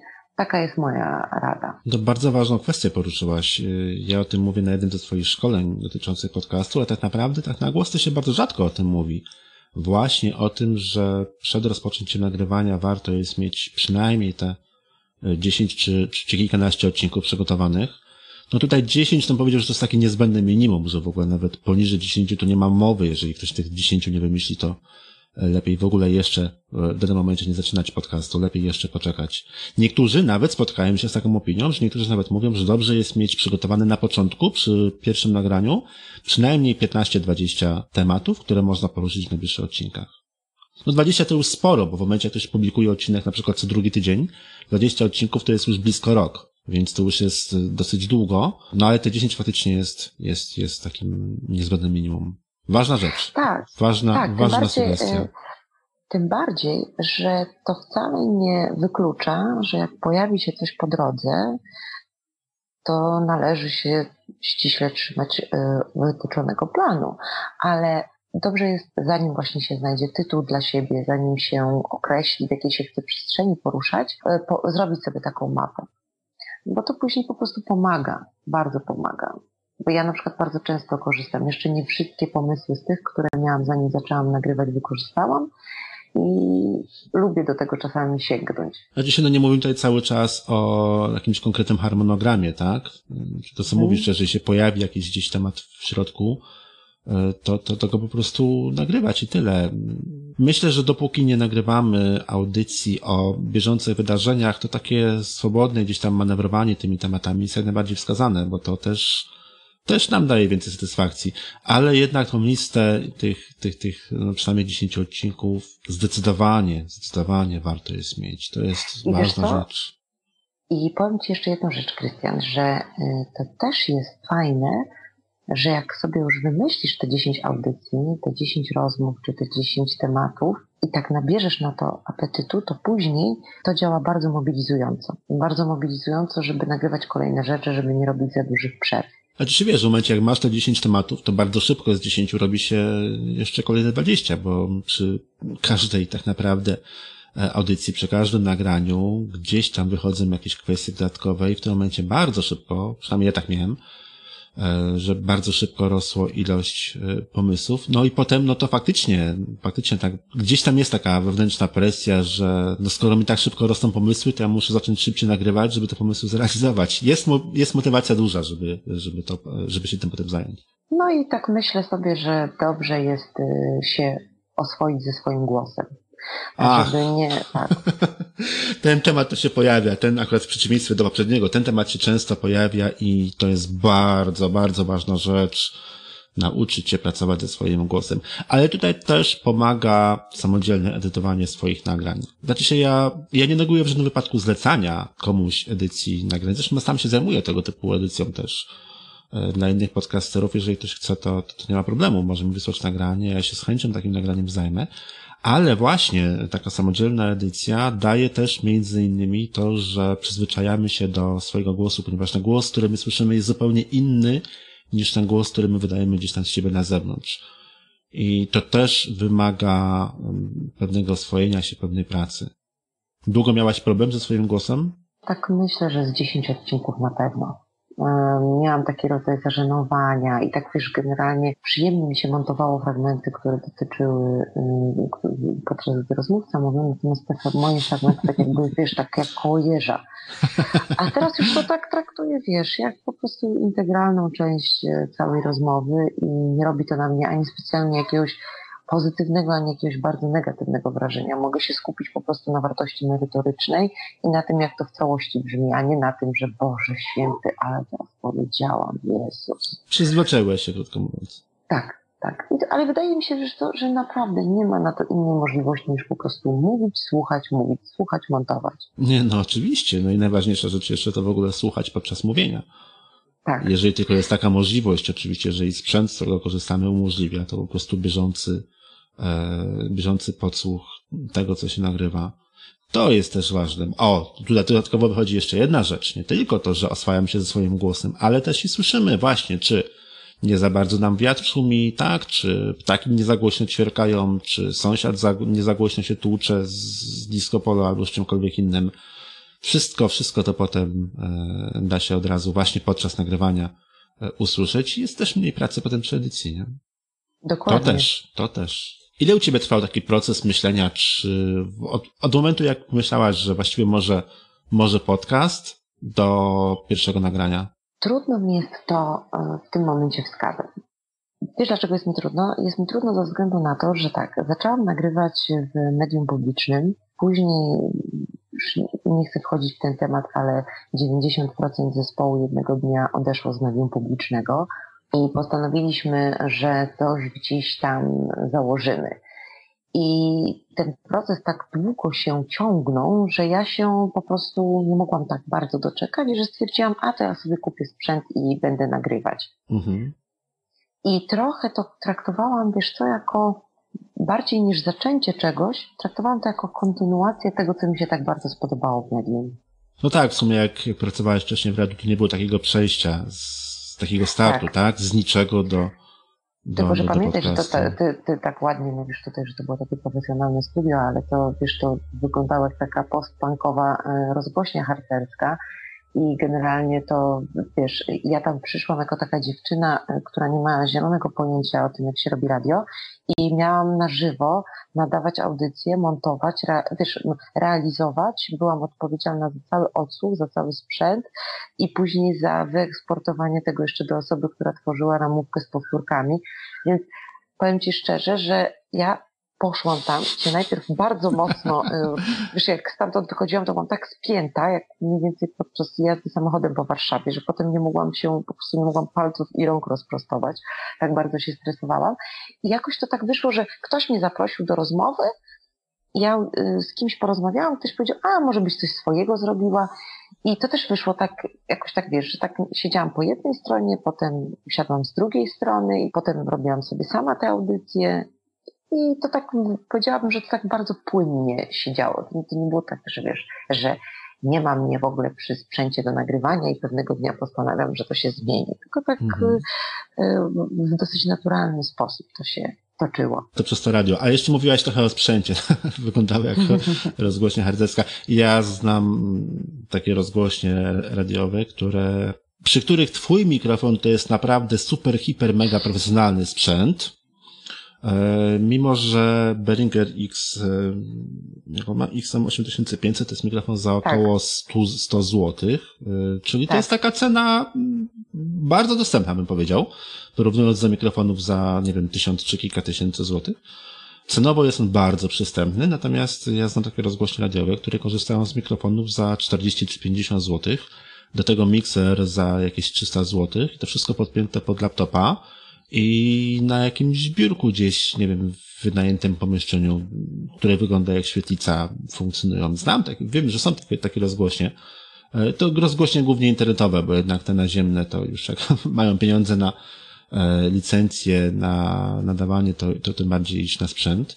Natomiast wśród zgłośni internetowych są takie, gdzie cały sprzęt w rozgłośni kosztuje tyle, co twój rekorder, albo czasami nawet i mniej niż twój rekorder. Szapoba za y, siłę, determinację i wolę operowania takim sprzętem, bo ja miałam trochę, tak, ja miałam trochę lepsze warunki w medium publicznym. Tam był, wiesz co, tam był Zoom y, H6, y, ale też był laptop, ten Zoom, cztery mikrofony i to było wszystko. I internet, który się czasami zrywał przy y, audycji, przy emitowaniu na żywo, transmitowaniu tego. Także wiesz. Także to naprawdę takie pionierskie, mm, powiedziałabym, y, i takie harcerskie y, warunki są czasami bardzo, powiedziałabym, takie zaprawiające w boju. Wiesz, Zoom H6 to jest sprzęt już za ponad 1600 złotych, także to jest 1600, chyba 1700, mniej więcej chyba tak. tyle kosztuje. Także no to no wiesz, to już jest, to już jest, to już jest konkretna kwota, nie? Porównując do mikrofonu za 42 mikrofonów, czy tam trzech za 40 zł, po 40 zł i, i miksera za 300 wy, e, no to Zoom H6 to już wygląda bardzo profesjonalnie. Chociaż swoją drogą Zoom H6 to jest już naprawdę bardzo porządny sprzęt. Z możliwością podpięcia czterech, tak, mikrofonów pod tak, to. Tak. Jest świetnym mm, tym tak zwanym preampem, czyli właśnie tym wzmacniaczem mikrofonowym. To jest naprawdę już super sprzęt. Znaczy tak, to jest super, wiesz co, najwspanialszą rzeczą jest to, że możesz y, bez jakiegoś tam przyłączania się y, regulować poziom dźwięku. Więc jeżeli masz cztery osoby, każda z nich mówi na innym poziomie głośności, to możesz to regulować. Tak, masz na wierzchu potencjometry, to jest, to jest bardzo wygodne. No ale cena, niestety, cena, jak mówię, jakieś 1600, 1700 mniej więcej złotych chyba E, To Tak, jest taka standardowa cena za ten sprzęt. Nie widziałam No. jeszcze przeceny, ale gdybyś gdzieś zobaczył taką, że, że, że jest przeceniony o połowę, to daj znać. Wiesz co, czasami jest tak, że na Amazonie są takie jednodniowe. Wczoraj był chyba taki Amazon Prime Day, że jeden dzień, jak zamówisz ten, nawet ten okres taki testowy, bezpłatny, miesięczny, e, tego abonamentu Prime na Amazonie, to tam masz dostęp do jakiejś tam puli ofert, które są od kilkunastu do kilkudziesięciu procent e, przecenione. I chyba, chyba, chyba wczoraj. Mm, Znaczy, no, dla naszych słuchaczy to będzie trochę wcześniej, nagrywamy przed e, publikacją parę dni. E, W każdym razie mm, był właśnie chyba taki dzień i nawet gdzieś widziałem na amerykańskich grupach mm, na Facebooku dotyczących podcastingu, że właśnie w tym amerykańskim Amazonie czy mikrofony się pojawiły w niższych cenach, czy jakieś rekordery. Tylko to generalnie był dzień, który się pojawia na chwilę. To jest sprzęt, który się pojawia przyczyniony na chwilę. Rzuca się na to od razu 100 osób, tak? Mają powiedzmy 50 w ofercie i to się w godzinę rozchodzi. Czyli jednak e, jest No. to trochę taka walka o ogień. Trochę tak, aczkolwiek jeżeli wiesz wcześniej, te oferty są wcześniej e, oczywiście przygotowane i wiesz, że oferta, która Cię interesuje, zacznie się za 4,5 godziny, no to jesteś w stanie za 4,5 godziny poświęcić dwie minuty, żeby wejść sobie na stronę na Amazona i zobaczyć, jak ci napasuje, to zamówić. To nigdy nie schodzi w 5 minut, to zawsze troszkę trwa. Aczkolwiek niektóry, niektóre e, rzeczy, niektóry sprzęt tak dosyć, dosyć szybko, bo w godzinę, w dwie to potrafi faktycznie wyczerpać się cały ten, ten promocyjny limit. Ale właśnie co jakiś czas, y, chociażby właśnie Amazon, czy jakieś zachodnie sklepy tego typu oferty mają. No i, i, i jesienią Black Friday, Czarny Piątek, który w Polsce nie jest tak popularny jak w Stanach. Właściwie powoli to się u nas zaczyna, natomiast w Stanach, e, czy Wielkiej Brytanii nawet też, można kupić mnóstwo rzeczy z przeceną 75-80% albo i czasami więcej. Zdarza się. Tylko trzeba, trzeba, to już jest w tym momencie polowanie, zdecydowanie. To już, to już trzeba szukać, trzeba polować. No i trzeba się liczyć z kosztami przesyłki. Niemiecki Amazon ma do Polski wysyłkę za darmo, tam od 30 chyba 9 euro, no ale amerykański już sobie normalnie liczy i cło, i, i koszty wysyłki, więc to trzeba doliczyć. Ale, Ale zdarza warto. się, ale zdarza Tak. się. Zdarza się. Mhm, rzeczywiście, Czasami warto. Szczególnie przy drogim sprzęcie, to ta różnica to jest, e, to potrafi być kolosalna. No jasne, słuchaj, no jak taki rekorder mówisz 1600 zł, ten Zoom H6, niech on powiedzmy będzie przeceniony 50%, no to będzie 800 zł to na pewno ani cło, ani koszty przesyłki nie będą cię kosztowały drugie 800. Na pewno wyjdzie dużo taniej niż kupny tego u nas. Także mimo wszystko warto tego tak, typu oferty przeglądać uważna. i to się może opłacać. Jest gdzieś taka strona, któryś z podcasterów robi, ojejku, ale kto to robi, jaka to jest strona, nie pamiętam w tej chwili, ale jest taka strona, gdzie jeden z podcasterów John nie, nie, nie, nie, nie Dumas. O, nie pamiętam w tej chwili. Sprawdzę i w notatkach do podcastu umieszczę, albo wyślę ci potem na, na Facebooku. Jeden z podcasterów, w każdym razie amerykańskich, też takich trenerów, on uczy też e, trochę podca- trochę podcastingu, sam prowadzi to parę audycji, e, ma stronę internetową, na której można podać swojego maila. I właśnie jak są tego typu oferty, jakieś takie na sprzęt dla podcasterów, czyli jakieś mikrofony, jakieś e, rekordery, statywy, te podobne rzeczy, to ten, to on wysyła maila z informacją o tym, gdzie tego typu oferta jest. On generalnie zarabia tak na prowizjach danych sklepów. Amazon na przykład ma bardzo ładnie rozbudowany program afiliacyjny, yy, więc w tym momencie on po prostu może tego typu informacje udostępniać za darmo. Muszę znaleźć tego, kto to był, bo gdzieś ostatnio, nawet parę dni temu mi taki mail yy, z informacją właśnie o tym wpadł w ręce. Muszę poszukać. Koniecznie, koniecznie. Będę cię trzymać za słowo. Przypomnij mi się za kilka dni. jeżeli nie znajdę, to po prostu, e, jeżeli nie będę pamiętał, to, to po prostu poszukam. I myślę, że to też warto opublikować e, na stronie z naszą rozmową, żeby też i e, nasi słuchacze mogli skorzystać. Bo to może być ciekawe. Tak. Tak, szczególnie w, sytuacji, w której trzeba wszystko kupić, wiesz, e, taki pakiet startowy, prawda? No, to jest, to jest, to jest największy koszt, taki pakiet startowy, bo potem możesz sobie zmienić jeden mikrofon, potem możesz sobie zmienić jeden kabelek, potem możesz sobie zmienić statyw, ale na początku musisz kupić wszystko. Tak, pamiętam, e, pam, pamiętam tą kwotę. A na czym edytujesz, z jakiego programu korzystasz? On się nazywa jakoś Cool Edit Pro, coś takiego. E, Teraz nie mam e, do tego do pulpitu dostępu. On się nazywa Cool Edit Pro. Mhm. Cool Edit Pro. Ach, muszę sprawdzić, co to jest, bo nazwy nie kojarzę. On jest bardzo, bardzo, wiesz co, gdzieś tam ktoś mi go polecił. Jest bardzo wygodnym programem. A to muszę sprawdzić, co to jest za program, bo tego nie znam. Powiem szczerze, że ja innych nie znam, więc nawet trudno mi jest powiedzieć, czy na tle innych jest lepszy czy gorszy. Mi się dosyć łatwo, intuicyjnie po nim porusza, ale trudno mi jest, wiesz, powiedzieć, jak on się, wiesz... Znaczy, że wiesz, moja opinia na temat programów e, do edycji dźwięków jest taka, że lepszy jest ten, z którego lepiej ci się korzysta, a gorszy jest ten, z którego gorzej ci się korzysta, bo niektórzy podcasterzy potrafią świetnie zmontować naprawdę wysokiej jakości nagrania e, w bezpłatnym Audacity, e, którego mhm. inni podcasterzy nie lubią, nie cierpią, nie potrafią obsłużyć, nienawidzą i w ogóle traktują jako zło konieczne i nagrywają w programach na przykład, nie wiem, za tysiąc dolarów bo, bo tak im jest wygodniej i łatwiej. No i teraz pytanie, czy warto wyłożyć na program do edycji audio 1000 dolarów? No moim zdaniem nie, bo moim zdaniem e, wiele ciekawych rzeczy można zrobić w programach dużo tańszych, albo wręcz bezpłatnych, pod warunkiem, że tobie te programy pasują. Niektórym nie muszą, nie wszystkim muszą pasować. Ja korzystam z programu Reaper, który kosztował 60 dolarów i uważam, że on jest moim zdaniem do moich potrzeb w taki sposób, w jaki ja go sobie potrafiłem skonfigurować, jest dużo przyjaźniejszy niż Audacity, który, przepraszam, Adobe Audition, który kosztuje 20 chyba dolarów miesięcznie. Także osobiście wolę, wolę Reapera. Dużo bardziej mi podpasował i nie planuję na razie żadnej zmiany. Wiesz co, wydaje mi się, że to jest kwestia przyzwyczajenia. Jeżeli się przyzwyczaisz i y, znajdziesz właśnie jakiś swój sposób na obsługę programu, to mhm. Dokładnie. Ja myślę, że jeżeli robisz coś bardzo zaawansowanego, wiesz, typu jakieś, nie wiem, słuchowisko, reportaż, y, montujesz równolegle, różne rzeczy, takie naprawdę zaawansowane y, procesy montażowe, no, no to może warto się pokusić o to, żeby sobie porównać. No, to wręcz, wręcz trzeba się pokusić, bo w tym momencie te bezpłatne narzędzia nie będą wielu rozwiązań miały, które przy tak zaawansowanej już edycji są potrzebne.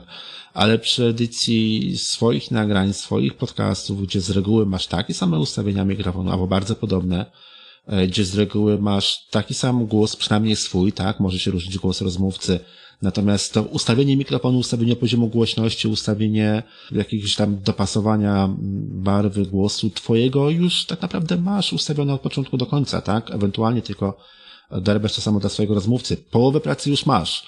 No i pytanie, czy warto inwestować w tym momencie tysiąc dolarów na zaawansowany program? Moim zdaniem nie właśnie, bo, bo nie potrzebujesz takich rzeczy. Tak, też tak Przy zaawansowanej edycji jak najbardziej tak, mhm. natomiast przy edycji podcastów mówię, ja znam wielu podcasterów, którzy świetnie sobie radzą z bezpłatnym Audacity z programem, który można ściągnąć całkowicie z darmo z internetu, potrafią zrobić naprawdę świetne audycje, ale ten program po prostu musi e, danej osobie pasować. Nie każdemu pasuje. Ja osobiście Audacity na przykład nie lubię. Uważam, że jest to dobry program. Nie powiem, że nie. Nie mam o nim złego zdania. Po prostu mi nie pasuje. No tyle. Dlatego korzystam z innego narzędzia, które też wcale nie jest bardzo drogie, bo 60 dolarów to wcale nie jest też jakaś wygórowana kwota. I to jest program, od którego zaczynałeś? Nie. Nie, ja zaczynałem od Audacity, mm, z tym, że z racji tego, że ja w ogóle jestem informatykiem z zawodu, ja 15 lat ponad już w tej chwili lat pracuję w IT i dla mnie poznawanie różnych programów, uczenie się czy uczenie innych obsługi programów, to po prostu zawsze była codzienność, ja to po prostu zawsze robiłem. I też programów do edycji audio testowałem bardzo dużo. W tej chwili na komputerze mam zainstalowane, przykład zaraz ci powiem, bo mam ich kilka. Mam program, który nazywa się Ardur, taka Ardo Ur się pisze, taka dziwna nazwa, jeszcze go nie znam, jeszcze go nie włączałem, nie miałem okazji, wczoraj go zainstalowałem. E, mam program, tu już jest z takiej z górnej półki, ale bezpłatna wersja, program Pro Tools First. Ten program nie chce mi za bardzo działać, ale zainstalowałem go sobie, żeby go przetestować, sprawdzić, pomęczyć trochę, nauczyć się i ewentualnie mieć o nim jakąś e, opinię. I jeszcze chyba jakiś jeden powinien być. Zaraz przeglądam listę swoich aplikacji. Nie, jeszcze, a miałem jeszcze jeden, ale go wyrzucił. A jest jeszcze jeden, Studio One, nie pamiętam w tej chwili, kto go napisał, jaka firma. E, no także widzisz, mam, mam zainstalowane trzy programy, oprócz tego, z którego korzystam. Po to, żeby sprawdzić, żeby zobaczyć, co mogą, żeby zobaczyć, jak się w nich edytuje e, nagrania, żeby po prostu móc e, potem o nich coś, coś powiedzieć. Ale to są moje testy, tak? No to w pewnym sensie wynika z mojego zawodu, No i też z tego, co robię na stronie Jak Zrobić Podcast, bo tam po prostu testuję różne narzędzia, różne rozwiązania i podpowiadam. Natomiast y, swoje podcasty edytowałem jakiś czas, ale krótki w bezpłatnym Audacity. Potem stosunkowo krótko, bo szybko mi się skończyła wersja demonstracyjna w Adobe Audition. Mm, Świetny program. Szkoda, że taki drogi. E, Mhm. Ale program, program niesamowity i potem kupiłem, jak już kupowałem, to już kupiłem właśnie Reapera. Znalazłem kilka świetnych instrukcji w internecie, jak go skonfigurować, jak go przygotować pod swoje własne potrzeby. I w tej chwili program mam tak przygotowany, że w momencie, jak jest moje nagranie, moje własne, mój głos, to po prostu wrzucam, wycinam tylko jakieś pomyłki i mam tak naprawdę pełen miks gotowy od momentu wrzucenia pliku do programu, bo on po prostu wszystko robi za mnie. Za ten program Wow. po prostu, za, ten, za, za, ten program po prostu kocham. Wow. Dlatego go uwielbiam. Moja edycja mojego dźwięku w tym momencie jest y, krótsza o całe, wiesz, jakieś wycinanie szumu, jakieś equalizer, jakieś równanie, wyrównywanie poziomu głośności, takie rzeczy. Ja po prostu mam to wszystko skonfigurowane pod swój mikrofon, pod swój rekorder, pod swój mikser, pod swoje warunki. Mam kilka takich ustawień, w zależności od tego, co nagrywam i gdzie nagrywam. I po prostu wybieram tylko określone wskazanie i wszystko po kolei. Poza oczywiście pocięciem y, pliku na kawałki, czyli wycięciem pomyłek, tak, wycięciem takich jakichś y i tym podobnych rzeczy. Poza tym tak naprawdę wszystko, wszystko robi za mnie. O, to się chyba muszę nauczyć go obsługiwać. Jest świetne, e, świetna strona z takimi manualami, z instrukcjami. Zresztą prowadzona nie przez e, ani radiowca, ani edytora dźwięków, tylko przez lektora. Przez pana, który e, jest lektorem, który nagrywa swój głos właśnie e, w Reaperze. Jest niesamowicie wesoły, niesamowicie sympatyczny i właśnie część jego nagrań, e, plików na YouTubie to jest właśnie odnośnie konfiguracji Reapera. Jak on przygotował program pod siebie i co w tym programie można zrobić. I ja się w dużej części wzorowałem właśnie na jego filmach. Przygotowałem swoje własne jakieś tam szablony, jakieś przykłady, konfiguracje chociażby wyglądu programu. Wygląda on w tej chwili u mnie zupełnie inaczej niż, niż na początku. E, Właśnie bazując dużo na, na jego filmach. Ale widzisz, to jest znowu to, o czym rozmawialiśmy, że nie wszystko, e, nie wszystkim będzie pasowało. Ja lubię grzebać w jakichś programach. Jak instaluję jakiś program, to pierwsze, czego szukam, to gdzie są ustawienia, żeby zobaczyć, co mogę ustawić. W momencie, jak ktoś potrzebuje gotowca, typu instaluję, uruchamiam, działa, no to już na przykład z wielu takich opcji nie skorzysta. Mimo tego, że nawet jeżeli by ta osoba korzystała z takiego samego programu jak ja, to nie skorzysta z wielu tych opcji właśnie takiej automatyzacji, bo wymaga to jakiejś dodatkowej pracy, jakichś do- dodatkowych działań, obejrzenia jakiegoś manuala gdzieś w internecie, jakiegoś filmu i zrobienia czegoś, no, co dla niektórych może wykraczać już poza takie zainstaluj i uruchom. Nie pogniewasz się, jak kiedyś zadzwonię i będę męczyć cię pytaniami, bo ja nie znoszę oglądania manuali, bo jak ktoś mi powie, słuchaj, włącz, wyłącz tu, nastaw tak i tak, tu masz taką i taką funkcję, to do mnie przemawia. Natomiast nie znoszę manuali. Wiesz, jak trzeba będzie, to zmienię numer telefonu. Nie ma sprawy, mnie od jakiegoś czasu kusi, tylko widzisz, też tematów jest ostatnio dużo. E, Od jakiegoś czasu mnie kusi, żeby zrobić też taki swój, nie wiem, czy kurs, czy, czy, czy może po prostu cykl jakichś filmików na YouTubie, jak właśnie e, skonfigurować Reapera tak pod podcasting, nie? Właśnie pod edycję e, naszych nagrań. Kiedyś nad tym usiądę, kiedyś to zrobię. Kibicuję. Nie wiem tylko, kiedy mi się uda znaleźć wystarczająco dużo czasu, żeby coś, coś takiego zrobić. E, Tym bardziej, że nagrań kilka już mam w tej chwili w kolejce, kilka takich, które chcę, chcę koniecznie e, w miarę możliwości jak najszybciej puścić. E, No zobaczymy.